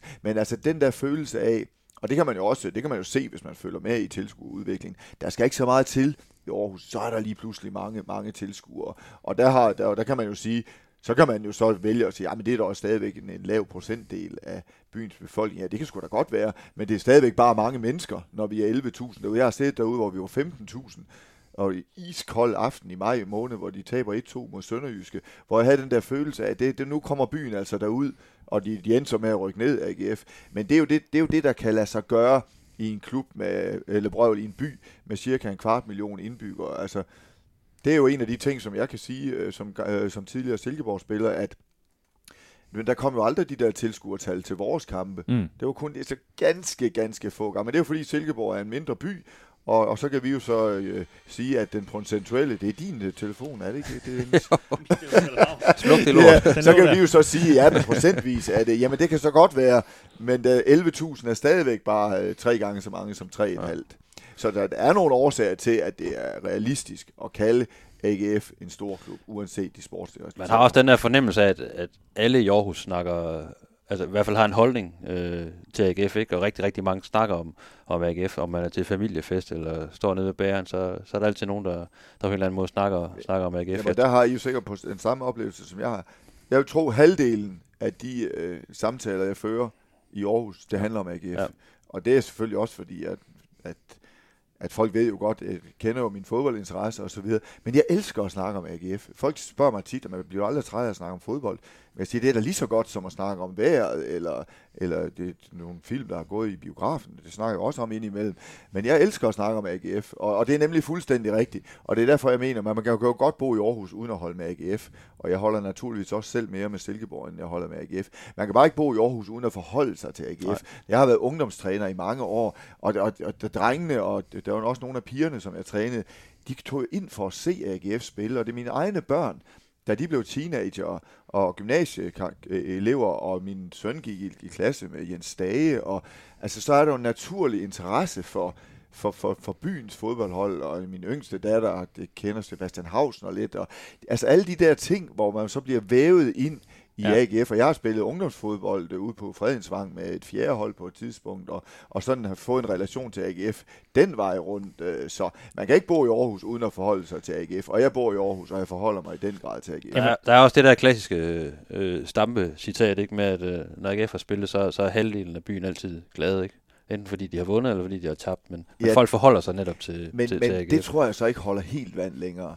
Jeg oplever ikke længere det der indgroede had, som der jo var til AGF mm. i, øh, hvis vi nu går 20-30 år tilbage til, de blev altid anklaget for at fiske spillere i de mindre klubber. Jeg havde, dengang havde jeg en oplevelse af, at AGF var ekstremt upopulær hele vejen rundt. Det var den, det er den vi, vi citerede Skovbakken-manden før. Ja, det, det er jo, Ja. den, der, det er jo Ja. den der følelse af, altså den, den tror jeg simpelthen ikke findes i, i samme grad længere. Det, det, det er i hvert fald min sådan At- oplevelse, at- når jeg kommer rundt i de mindre klubber. Altså der, det er mere en interesse for AGF, end det er et modsætningsforhold. Det Altså, vil der- jeg så sige. der må jeg også sige, altså, jeg er jo opvokset ude i Tranbjerg og flyttet tilbage igen. Dengang jeg var jeg opvokset derude, der, der var der nogle af mine klassekammerater, jeg var ikke god nok selv, men der, der tog ind til AGF. Og de fik faktisk at vide, når de så, de viste sig jo over på, i klubhuset alligevel, når vi skulle lege og sådan noget. At, hvad, hvad, hvad, laver du her? Så er det Ja, nogle af de gamle så at sige, ikke? Og, og det er jo helt vildt at sidde og sige til en, til en dreng, der er 11 eller et eller andet, ikke? Men, men i dag, der er en fra min, fra min datters klasse, går i 4. klasse, som, som også er blevet rykket ind til AGF. Og der, der er sådan en stolthed nærmest i klassen over, at Ej, han, han, det kan være, han, han kan blive god, og han er inde i AGF. Og det er jo, det er altså, sådan, det skal være. Det er jo sådan, at de skal føle de, de mindre klubber. Altså, fordi det, det der med at, at holde et fodboldtalent tilbage, om man så må sige, øh, så har man jo misforstået hele sin rolle. Man, vi kan sagtens diskutere, hvornår folk, folk skal, skal skifte. Men selvfølgelig skulle Jens Dage have været til, skulle han ind i AGF. Han kom det så af, af sådan nogle lidt snørklede veje, og det er vi Mm. mm. stolte af i IF Lysing, at øh, vi kan sige, at han faktisk har spillet seniorfodbold i, i IF Lysing, og, og han var jo også i Brabrand, altså, så det er jo en skæv historie, men det ville have været synd for Jens, hvis han aldrig var kommet, kommet ind til AGF, selvfølgelig skulle han da det. Ja, og sandheden med ham er jo så, han, han var jo også inde i AGF, men blev så ikke lige fundet god nok. Øh, Det er, jo så den, det er jo så den historie, som de nogle gange glemmer at fortælle ude i AGF. Ja. Ja. Så er det godt, at jeg nogle gange kommenterer AGF. Du lige kan, FCK, du lige kan nævne og det lige der. kan sætte et par ting på plads. Det er nemlig fuldstændig rigtigt. Altså, så det var ikke ret godt set af deres talentafdeling. Men man har også en, man har, man har en, en, øh, en fornemmelse af, at de er blevet meget bedre til at, at omfavne byen. Ikke? Også, Det er også og, min og, opfattelse. og de klubber, der er om, omkring og respekterer også øh, Klart min de andre klubber, der er i, i, i omegnen. Ikke? Øh, Så det, der, der er sket meget på, altså, i forhold til samarbejdsklubber, og, og det den vej rundt. Ikke? Ja, helt end bestemt, Hvordan det var i, i, i det- gamle dage, der er slet ingen tvivl om. Øhm, jeg synes, der er noget interessant her i det allerførste, næsten du skriver om øh, AGF. Du er blevet inviteret ind på David Nielsens øh, kontor, øhm, og du beskriver så, hvordan han, han øh, sidder og kigger på et, øh, et billede af Gesa Toldi, øh, den kan man sige, gamle AGF-træner, der var træner dengang, de vandt øh, alle mesterskaberne i, tilbage i tiden. Ungarsk træner. Øh, Ungars ja. træner, ja. ja. Og, og David, han siger så her, jeg kan godt lide at kigge på Toldi. Det er dejligt at se ham i øjnene, når jeg skal træffe mine beslutninger. Og han fortæller så lidt videre om, at han, han faktisk prøver at skabe det her hold lidt efter de gamle dyder øh, og så videre. Altså, kan man sige, sådan en, en romantiker som dig, han har sagt, altså, hvad, hvad, hvad gør det for dig, at David Nielsen han ligesom, i hvert fald udad til at give udtryk for, at det er noget, der betyder noget for ham, de her, den historie, han, han nu befinder sig i, og så videre. Jamen det bekræfter mig jo i, at, at, der er noget at hente de der steder, fordi øh, me- meget kan man beskylde David Nielsen for, men jeg er ikke sikker på, at han er romantiker. Det er ikke min opfattelse af ham. Men selv ham, og, og jeg synes jo, det er stærkt, at han vedkender sig historien, fordi det er jo, det, det, er jo, det, er jo, det er jo en svær fortid at spille op af, øh, hvis, hvis, han vil overgå eller, eller kopiere Gesta Toldi. Men, men den der fornemmelse af, at altså, der er jo sådan to skoler i, i det her. Enten, der, der er også nogen, som, som simpelthen vil hive, hi, altså, hiver billederne ned ad væggen, fordi det, de opfatter det som et å. Ja, det gjorde du jo selv i Silkeborg, ikke? Øh, Jo, der, der er faktisk, det, det kan du ret i. Da jeg blev træner i Silkeborg, der, der har øh, klubben jo i lyn hurtigt måtte øh, øh, sådan jeg har været igennem en, en transformation, hvor vi har mistet nogle rigtig gode spillere, Henrik Petersen og Thomas Røll Larsen og, og Peter Kær, jeg selv var stoppet, og Boris Sivkovic skiftede til, til FC København. Og, og der opfattede jeg det som, at jeg, jeg havde en opfattelse af, at det tyngede spillerne, at vi havde et billede af vores pokalmestre, som kun var ganske få måneder gammelt, på vores bus, når vi, når vi kørte afsted. Så det er rigtigt. Selv med min romantiske tilgang til det, så valgte jeg faktisk... Jeg havde simpelthen en fornemmelse af, at, at det aktuelle hold blev tynget af, at øh, de kom i den her bus, og det- vi lå, vi lå uhjælpeligt sidst i Superligaen et, et langt stykke hen ad vejen, så der blev sådan lidt grinet af, når der kommer pokalmesterne, så lykker ingenting. Ikke? Så, så, så, det er jo rigtigt, og det, det er jo faktisk en god pointe. Dennis, for ellers vil jeg jo, vil jeg jo sige, at, øh, at jeg synes jo, man skal bruge det som inspiration og motivation, men det er rigtigt, da jeg selv var træner, der, der, der følte jeg faktisk, at, øh, at det blev et, et å for, for, for spillere. Men der, der tager vi David jo så i hvert fald den modsatte del at sige, okay, vi er AGF. Og, og der er nogle ting, der gør sig gældende, hvis man spiller et sted som AGF. Og også i, i UB og AB, som er lidt anderledes, end hvis man spiller i provinsklubber som Silkeborg, som Randers og som OB. Det vil jeg, det vil jeg gerne sige, øh, at, at man så siger, at du skal, og man kunne sige til spillerne i AGF, I skal ikke være her, hvis I ikke kan lade inspirere af, at AGF har vundet mesterskaber en gang. Så skal I øh, skifte en klub i den næstbedste række eller sådan noget, hvis, hvis ikke det kan motivere. Og det er vel også det, David Nielsen siger. Jeg går forrest i det her. Jeg har et kæmpe billede af Gesa Tolde. Tolde lige for snuden af mig. Så hver eneste gang, jeg løfter blikket, så bliver jeg gjort opmærksom på min egen middelmodighed. Ja. Hvis man kan sige det på den måde. Og så bliver jeg gjort opmærksom på, hvad jeg ultimativt skal stræbe efter. Jeg blev så glad, da jeg så øh, det der billede. Og ja. Det hænger lige foran ham. Ja. Altså, så han kan ikke undgå Og det. det, det er vel i høj grad også essensen af AGF, ikke? At, at det Det er en det klub, der læner sig rigtig meget op af fortidens meritter, og altid er blevet målt i forhold til dem. Jo, og også det, i de de år, bliver de jo målt dårligt. i forhold til, så kan man jo lige så godt omfavne det og, og gøre det til en del af fortællingen og gøre det til en, øh, til en del af det at spille i AGF, og det tror jeg også, de dyrker. Mm. Altså, det synes jeg også, at de skal. Og så må man jo bare sige, jamen det er jo så, kan man kalde det en forbandelse, men, men det er jo bare sådan det, som Peter Gravlund sagde på et tidspunkt, det har, det har jeg altid husket på, at folk siger altid, når de kommer til AGF, at de glæder sig så meget til at komme og spille i AGF. Og så skal man kunne hjælpe med at høre på, at når de har været her et år, at de synes, det er så hårdt, Ja. ja. så, så hårdt et pres at spille her. Og så har han jo ret, jamen, så skulle du jo slet ikke have været her. Altså, fordi selvfølgelig er det, det er anderledes at spille i AGF end i mange af de andre danske klubber. Det kan sagtens, at spille i FC København kan som minimum mål som at spille i AGF. Det kan det sikkert også i Brøndby og i udenlandske klubber, så man skal jo ikke bilde sig ind, at uh, AGF er det, er det sted på jordkloden, hvor der er det største pres, trods alt. Men jeg tror, der er et særligt øh, pres ved at spille i AGF, men belønningen bliver jo så meget større, øh, desto større, når det så lykkes. Og så må det da også være en glæde at, at, at kunne konstatere, at bare det at vinde bronze er nok til, at byen går amok. I en coronatid endda, og det hele. Ja, ja, men altså, det, det fortalte jo også noget om AGF, og også en, en fortælling om det, det moderne AGF, at AGF's tilhængere synes jo, det er så lang tid siden, og derfor synes jeg også, det var helt på sin plads at fejre en bronzemedalje. Altså, Det er for fanden, mand. Altså, hvis, hvis, hvis man ikke har vundet noget, hvor længe siden var det, AGF havde vundet Ja, medaljer? 97. Ja, altså, så skal den da have en over nakken. Altså, Ja. det er vel også det at være en del af, af Men, men det er jo apropos altså. din, din bog, han har sagt, altså det man skal jo kende fortiden for at forstå nutiden, ikke? Ja, altså, det skal ja. man nemlig lige præcis. Altså, og det, jeg vil da sige for mit eget vedkommende, var det da en af de ting, som jeg satte pris på. Det vil jeg gerne vedkende mig i, i Silkeborg. Det her med, at der var ikke nogen gode gamle dage. Vi var bare de fedeste. Ja. Og jeg havde spillet i Åben Rå Boldklub, hvor vi jo havde haft et andet divisionshold tidligere, og som vi som blev målt op imod. Jeg kender godt irritationen over det, at blive målt. Og i Kolding IF havde de jo været i første division i to sæsoner, og det var så det, vi blev målt op imod. Og, men i Silkeborg, der var ingen, der blev målt op imod, fordi det var bare os, der var the shit. Og der, i dag bliver de jo så målt op imod os, Ja, ja, det er klart. og det er jo sådan, det, det skal de også gøre.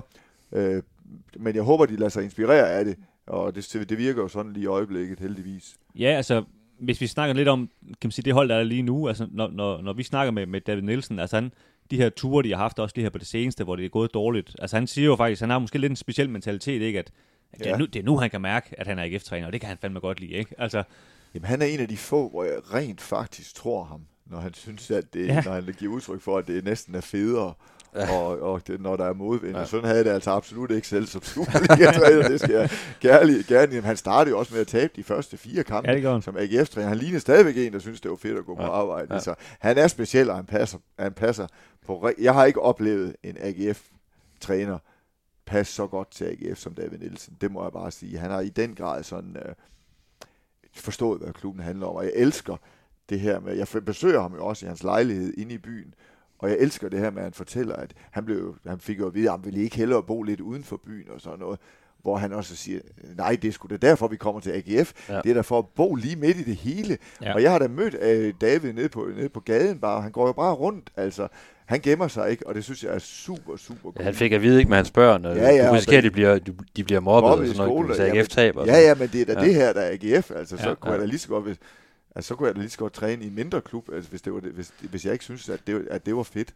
Ja, men han siger jo i bogen, at, at det hjælper ikke at gå og være bange. Altså, det må Nej, jo bare face. Og det er- tror jeg heller ikke, David Nielsen er. Men, altså, hans hold har spillet dårligt, og det er jo et stort problem. Men jeg tror ikke, han er bange for den opgave, han står overfor. Men er det, ikke, er det ikke specielt, at det så er træneren, der er den store stjerne? For det er David Nielsen jo i AGF lige nu. Øh, Jo, du, du har en fortid også som, som Superliga-træner, også som, som spiller, ikke? Altså, jeg har spillet under Preben Elkjær, Ja. så jeg kan fortælle ja. Der var det ikke Morten Brun eller nogen som helst andre, der men var, det er jo der var specielt, stjernen. det er specielt når, det, når, når det sker, ikke? At det er træneren, der ligesom jo, er... Jo, det, det, det, det, er, det er rigtigt, og, og, og det er vel noget, som Preben Elkjær var det jo, da han kom til Silkeborg, så han fik det jo foræret.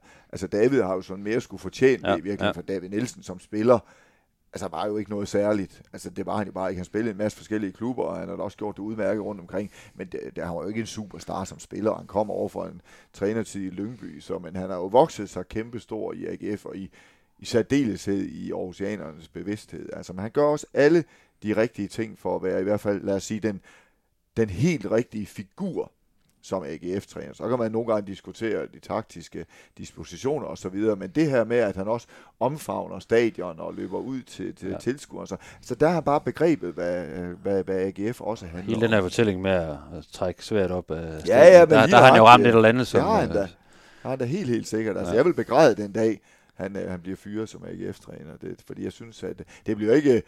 Det bliver ikke nemt at komme efter AGF, eller efter David Nielsen Nej. som sådan en trænerfigur i AGF. Nej, og det synes jeg faktisk også, altså, det var jo sådan måske lidt på tale, i hvert fald i, i vores spalter, noget vi da at skrive lidt om efter den her frygtelige sæsonstart med, også med, med det her Europa Cup exit, der, der var yderst pinligt og så videre, ikke? Men, men når vi spurgte ud i klubben, kunne vi også godt mærke, okay, de, de, de er slet ikke ved at overveje det. Altså, det kunne man godt mærke sådan med det samme, altså det, det er sådan helt, ej, ej, er I vanvittige, ikke? Altså, det, vi, vi har vores mand, altså, Ja. det, det, det er Ja. som om, det, det har man ligesom også forstået op, op af, at, øh, Men det er jo godt, at vores mand lige vandt tre kampe i træk. ja, det, det, er, Fordi det, det var sådan måske det, meget godt, Sådan ja. er det jo også så, jo. At, sådan er det jo øh, fodbold, altså, ja. kan man sige. Der er jo altid en, en, en grænse, ikke? Men, men, jeg, men jeg tror, jeg tror de, han er lang snor, fordi de, de godt ved, at, at han, han har et, et tag på, på klubben, eller hvad man skal Ja, sige. men ikke? det, det tror jeg også, han har, og det, det, det, det bør han også have, og det har han gjort sig, for, gjort sig fortjent til. Men altså, hvis Vejle kan fyre Allan Simonsen, Ja. Ja. så kan alle, træ, alle Ja, ja. klubber fyre ja. ja. deres træner, og så kan AGF også fyre David Ja, Nielsen. jamen det, er, det, det er helt klart, selvfølgelig. Kan du se, kan du se David Nielsen blive, blive dansk mester med, med AGF, eller er der for langt op til, til FCK? Øh, nu ved jeg godt, Brøndby blev mester sidste sæson, ikke? Ja. Men til, til, til FCK og også Midtjylland, der også har nogle, nogle helt andre økonomiske muskler her nu. Ej, det ville være en meget, meget stor sensation, hvis AGF Ja. ja. kunne lykkes med at gøre det, som Brøndby gjorde i sidste Ja. ja. sæson, for vi vil jo nok sige, at øh, økonomisk og på mange andre områder er der ikke så langt mellem AGF og Brøndby. Øh, men det har... Ej, jeg tror, det var en klumme, jeg skrev på et tidspunkt i BT, hvor jeg, om AGF, hvor jeg skrev sidste år længe siden. Ja. Fordi jeg havde også den fornemmelse af, at AGF udspiller FC København i parken og vinder 4-2. Øh, og, og der, der er byen jo allerede i gang med at fejre bronzemedalje, eller hvad de nu fejrer, men der ja. havde man sådan en fornemmelse af, hold da kæft, er de indhentet.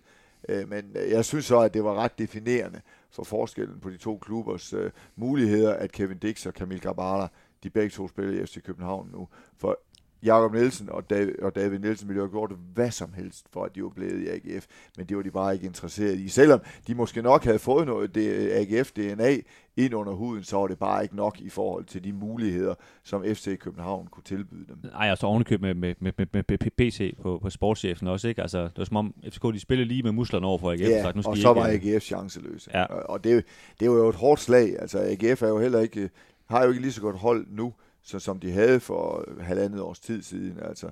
Og så Kasper Højer er også væk. Og, så, så det, man, kan, man kan vel sige, at i den sæson, hvor man piker, når man er AGF, når man er Brøndby, så skal man helst gå hele vejen. For hvis man kun Ja, kommer ja. næsten til toppen, så sker der det, som skete for AGF, og som også er sket for Brøndby, at så bliver de allerbedste spillere, de bliver alligevel ribbet af nogen, der har endnu flere penge. Ja, man kan sige, det er det OB, de på en eller anden magisk måde har, har ramt flere gange, ikke? Ja, de har ramt det fire gange, og Ja. så er de sådan, om ikke øh, faldet tilbage i glemsen. Og øh, nu kan jeg jo godt lide at tale om Silkeborgs danske mesterskab. Men jeg kan jo godt, jeg elsker jo at, at, blive, at minde mig selv om, at vi gik nemlig også hele vejen den ene gang, hvor vi havde muligheden. Ja. Altså, der gik vi hele vejen. Fordi der skete jo det samme for os, og, og det, det er jo bare der, som... Altså, det er, det er meget svært i, i, på den længere bane, vi har jo snakket om det med de mindre oceanske klubber i forhold til AGF, det er bare meget svært for de mindre klubber på den længere bane at, at, at spille i, i, imod de her, de her givende odds i forhold til økonomisk formåen og tilskuerinteresse og, og sponsortække og, og alle de her ting. Så derfor så skal man, når man har chancen, skal man gå hele vejen. Ja, Øhm, en lille ting, som øh, jeg måske vil være fræk at påstå, er en, er en fejl i bogen. Nu kan vi se, hvad du siger til det. Ja, lad mig Øhm, høre. Øh, det er fordi, du, du har været ude og snakke med, med Troels Rasmussen, øh, gammel målmand for, for AGF-fans, ja. Der måske ikke er så gamle. Øh, og han siger jo så her, jeg mener selv, jeg er oppe på 500 kampe for AGF, siger han. Og du har så noteret øh, John Stampe for at have spillet 568 kampe for AGF. Øh, og det er jo sådan lidt en sag, der i foråret, øh, kan man sige, langt de fleste steder står han jo noteret, noteret sig for 444 kampe. Ja, ja, ja. Øh, og det er så fordi AGF, de begyndte jo så, for de her 80'er hold, at tælle a- alle mulige uh, Toto Cup kampe og alle mulige med. Ja. Øhm, og man kan sige, der hvor den bliver lidt kringlet, det er, at, at for 50'er holdene har de ikke talt de her Nej, træningskampe den med. er og sådan også kringlet. Den Øh, er og, og heller ikke for kringlet. 90'erne og sådan noget. Øh, så det er egentlig ikke så meget det der, jeg vil snakke om. Det var bare lige sådan for at drille lidt. Men det var mere den der med, måde med, at, at AGF måske, fordi det er noget, noget, de selv har fundet på, AGF. Altså det her med, at de sådan selv vil, vil, vil, vil præge historien lidt, eller, eller kan man sige, pille ved historien, uden de piller ved det hele. Altså hvis jeg tænker sådan en mand som dig, som, som kan sådan gå op i, at der skal være styr på det. Altså hvad, hvad, hvad, hvad, hvad, hvad tænker du om den der balancegang, Ja, de har gang i der? Det, det, det kan vi jo lave en hel podcast om. Øh, ja. nu, nu kan man sige, lige præcis fordi, at Troels Rasmussen forholder sig til det her kampeantal, da jeg taler med ham, og, og, og jeg har jo egentlig jeg har faktisk skrevet kapitler med AGF, inden den her sag kommer op, og jeg, der, er, der er et, et par linjer med kursiv Ja, det er i faktisk, ja. slutningen af, fordi netop det der, øh, fordi man kan jo sige, at, øh, og jeg har valgt at skrive 568 ved John Stamme, fordi det er klubbens officielle kampantal for John Stamme, men det er jo en, også en kendskærning, at Årov, som jo også har spillet rigtig, rigtig mange kampe for AGF, han er jo ikke blevet godskrevet nogle af de her kampe, fordi det, man har nok ikke haft de, Ej, det er jo et voldsomt man, arbejde. Man, man har ikke haft ned de, de, nødvendige oplysninger. Så jeg, altså jeg synes også, den er sparet. Det må jeg sige, men jeg har ikke den 100 Jeg har ikke sådan...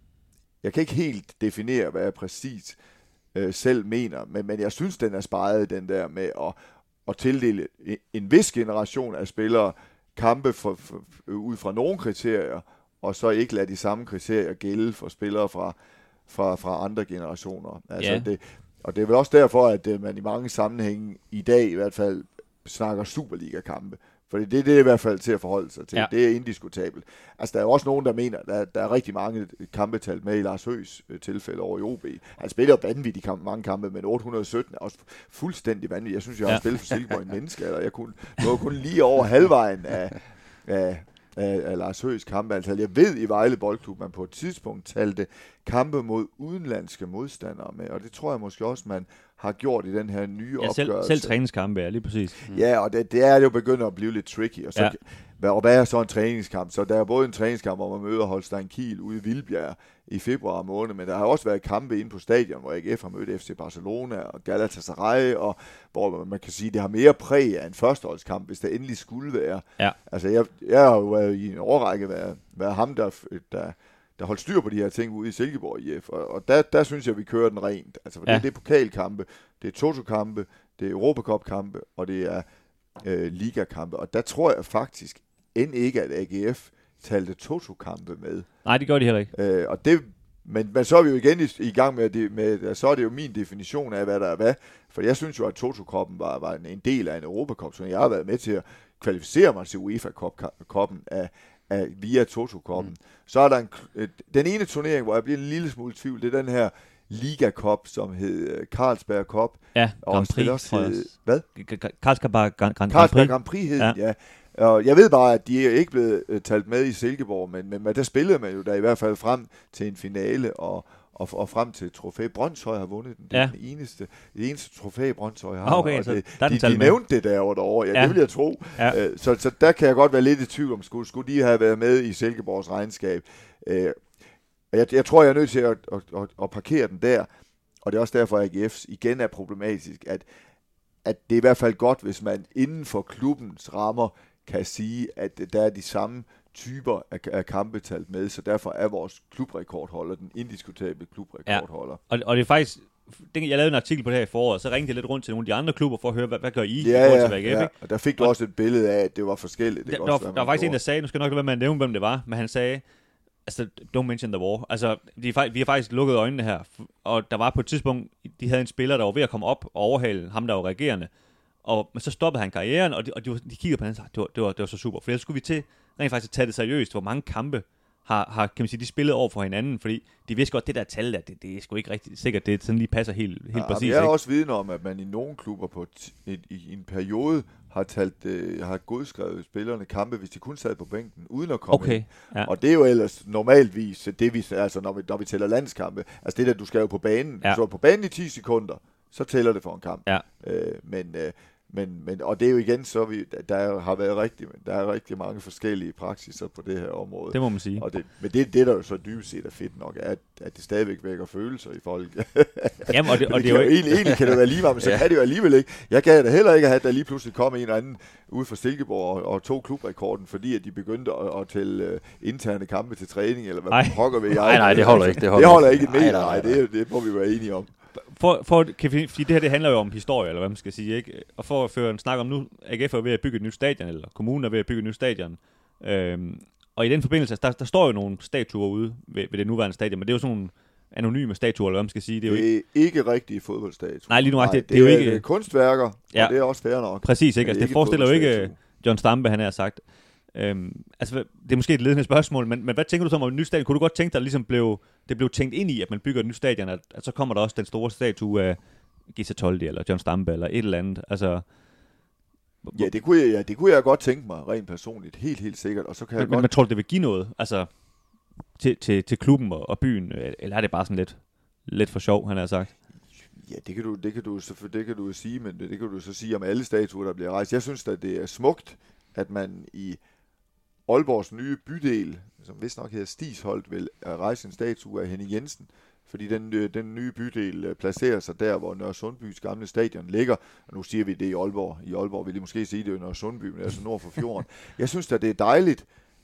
Jeg, jeg har sådan en tanke om, at øh, jeg vil synes, det er dejligt, hvis der kommer en, et lille barn med, med, med sine forældre og spørger, hvem, hvem er den? Fordi det er jo det, det giver anledning til. Ja. Hvem er den person på den statue? Og så vil jeg synes, det jo dejligt, hvis øh, faren eller moren kunne, jamen det er jo Henning Jensen, han spillede jo i Borussia Mönchengladbach, og han spillede i Real Madrid, og han kommer fra Nørre Sundby. Så tror jeg, der har jeg da et håb om, at den her lille dreng eller pige, sådan vil tænke, åh, det var da fedt. Ja. Det var, det var da dejligt. Og da, på den måde synes jeg da også, at, øh, at det vil være dejligt at minde Aarhusianerne om, om det her 50'er hold. Øh, og og jeg vil i hvert fald sige, lad os nu frigøre os fra den der, det der jantelovsagtige med, at jamen, så skal ham der også med. Det er ikke sikkert, at men man behøver, der behøver ikke være 15 statuer. Hvis der sidder nogen ude i AGF og siger, at det skal være Gesa Toldi, så vil jeg synes, det er fedt. Og så synes jeg ikke, at nogen skal sige, jamen hvorfor så ikke John Stampe?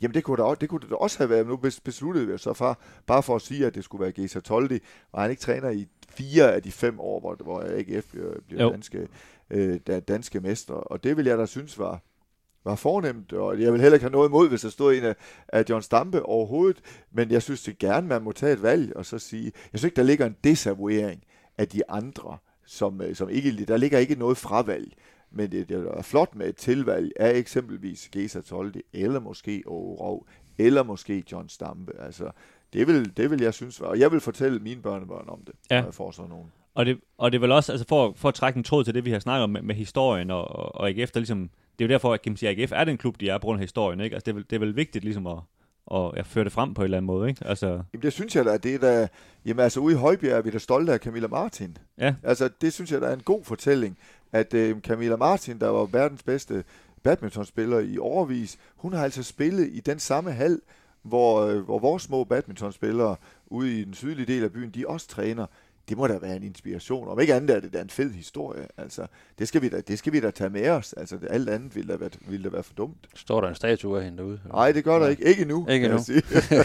Gå vi over. Der står også sådan en eller anden øh, diskuskaster, eller hvad en eller anden Det random type. Det kan godt være, men det vil jeg lige notere mig. Jeg vil så bare lige, jeg vil bare lige tilføje, at den statue, der står af Harald Nielsen, oppe foran Arena Nord i Frederikshavn, den kostede 1,8 millioner kroner. Bare lige sagt til sådan en forbrugeroplysning til folk, der tænker, vi laver lige en indsamling hen på Villavejen, og så ja, ja. smider vi en Det- det koster op. lidt. Det koster, ja. Ja, så, man skal så de der 750 millioner, de har derude, du mener, de, kan- de kan hurtigt ryge, hvis... Øh, Ja, men også så skal de finde en, en, sponsor i den gode sag, ja. Så det gjorde man ja. I tilfælde Harald Nielsen. Ja. Men det ser da flot ud. Der var en, der skrev til mig på Twitter, og det har jeg aldrig glemt. Hver eneste gang, jeg blev mindet om, at Harald Nielsen er fra Frederikshavn, så bliver jeg en lille smule stolt. Ja. Det kan jeg godt sætte mig. Ja. Og det betyder noget, som du siger, at, at uh, Camilla Martin, hun er fra der, hvor, hvor du bor nu, ikke? Altså, det, det betyder noget bare for en. Altså, det, Det gør det da. Jeg havde selv øh, min ledestjerne, min motivation var en spiller, der hed Gert E. Fordi jeg kom fra den lille by Uldum, og når man vokser op af en lille fodboldspiller, så ved man jo ikke rigtig noget om, hvordan det, det sådan hele fodboldverden hænger sammen. Men der finder jeg ud af, at Gert E., han spiller et kørelærens søn, øh, han spiller faktisk for Vejle Boldklub. Og så tænker jeg, okay, det kan, det kan altså godt lade sig gøre. Fordi så tænker jeg da, okay, måske kan det også lade sig gøre for mig. Det har kunne lade sig gøre for ham der. Ja. Og så er det er jo ikke sikkert, at det så også kan lade sig gøre for mig, men der er en chance. Og, det, og sådan vil jeg også gerne have, at de små badmintonspillere ude i Højbjerg tænker, jamen der er der en chance for, at jeg også skal blive verdens bedste, ved, når, når nu hun kunne. Ja, lige præcis. Øhm, Nå, jamen, vi kan jo snakke herfra til, Ja, vi kan snakke til lidt. juleaften, ikke? Ja. Altså, skal vi have lavet listen? ja, skal vi ikke det? Vi har jo snakket lidt om, at her til sidst, der skal vi prøve at, at komme frem til, til de tre største, bedste oceanske fodboldspillere igennem, gennem tiderne. Ja. Øh, Og vi understreger ikke nødvendigvis AGF-spillere, men oceanske. er oceanske, ja, der ligesom har... Ja, Og vi kan jo godt, øh, vi kan godt øh, kylde forskellige parametre ned over. Det behøver ikke at være sådan, øh, dem, der har flest landskampe, eller, men Nej, nej, også, nej, også nej. personligheder kan jo også være, være en del af det. Ikke? Der kunne jeg da godt byde ind med en, med en John Stamme, for eksempel, at han, øh, han i hvert fald er, er en kandidat. Også ud fra den, den personlighed, han havde, og der er, ikke, der er ikke mange, der er ikke nogen af hans slags tilbage i, i, dansk fodbold. Øh, han var, han var en, en speciel karl, ikke? Du, har du spillet over for ham? masser af gange. Ja. ja, ja. Øh, jamen, jeg vil, jeg, vil- jeg vil gerne være med til at, at ære John Stampe også i den her sammenhæng.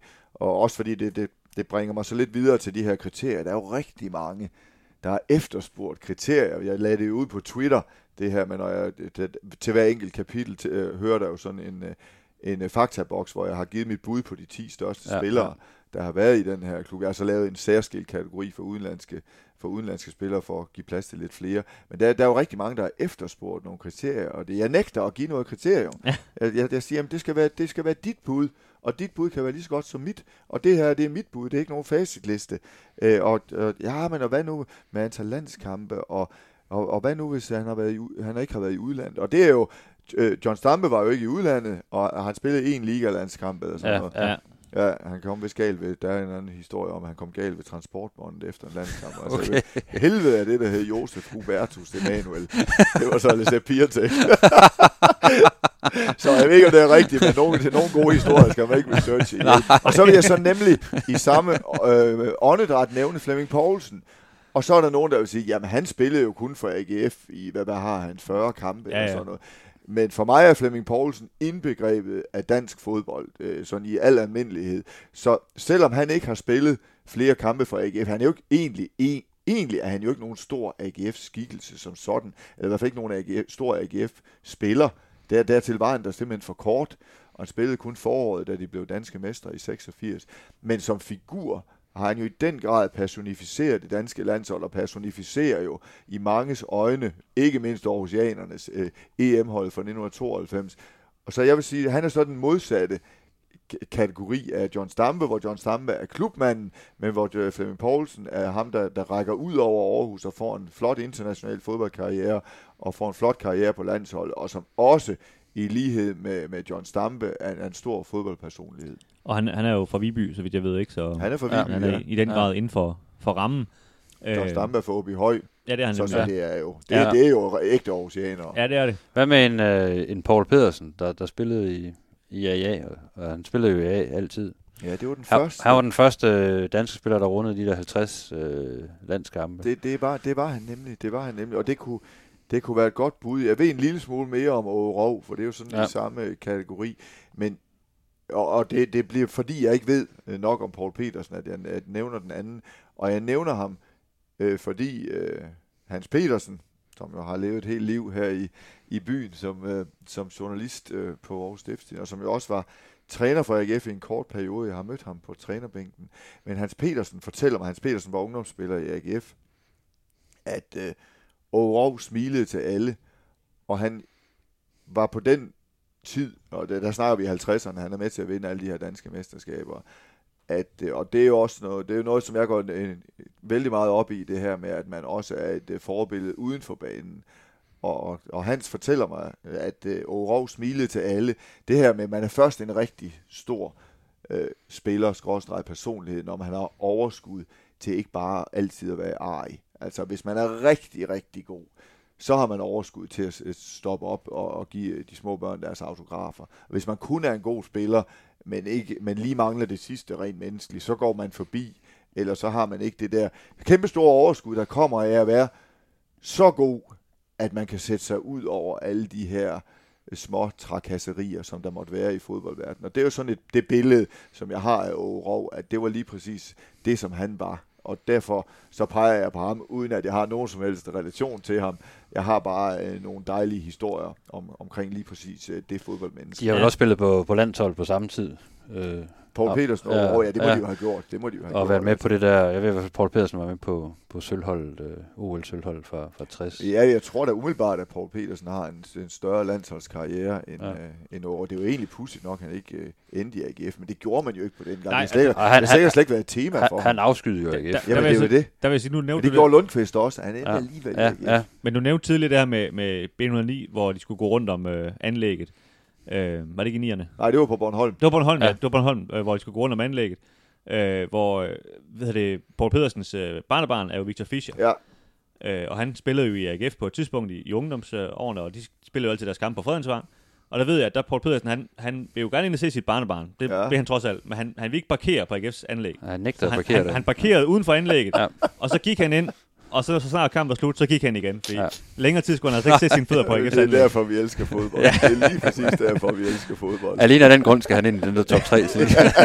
det vil i hvert fald være, det, det vil være Men vi har også en Henrik Form, ikke? Der, der er jo selvfølgelig også øh, gammel AGF-målmand. Ja, ja, Stig han- Tøfting vil, vil nogen jo selvfølgelig også pege på. Øh, Jeg Ja, synes- det, det er jo også som sådan den her Aarhus-figur, AGF-figur. Ja. Jeg vil alligevel sige, der var for mange skæver der, til Ja. at jeg vil putte Ja, der, der er mange skæver der, men, men til gengæld kan jeg godt lide en mand som Stig Tøfting der med, at han, han, han stadigvæk bor i Aarhus og så videre, ikke? og man kan møde ham på gaden, ligesom du også sagde med David Nielsen, det, det gør Flemming Poulsen jo også. Øh, det her med, at der er en eller anden relation til Aarhus trods alt, ved dem, Ja, der, ja, der men der bliver er ved, jo ikke? en høj grad af folkelighed, og det er der i virkeligheden over alle de her tre, vi har nævnt, og, og Paul Petersen jo. Ja. givetvis også, men altså, der er en høj grad af folkelighed omkring Flemming Poulsen, omkring John Stampe, og også omkring øh, Stig, og, øh, og også omkring øh, David, altså det her med, at, at, at man også vedkender sig at, øh, at, at være en del af byen, og man har lyst til at dele øh, sig selv øh, og, og sin, øh, øh, sin øh, status som fodboldspiller, hvis man kan sige det på den måde,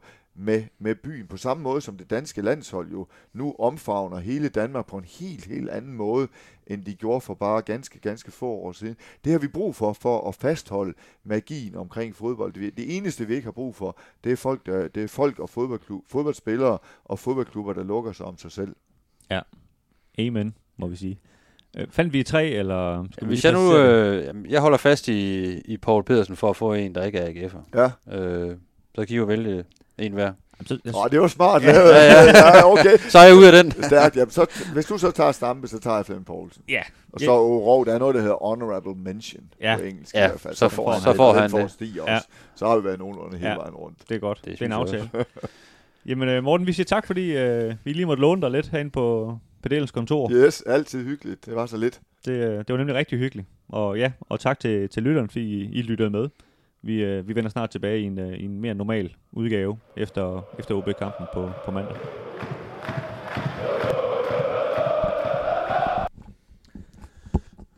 Optager den nu, eller hvad? Yes. Ja, ja. Vi skal nok klippe det her ud, morgen. Lytterne, de sidder der Ja. og tænker, okay. Bum, bum, bum, bum.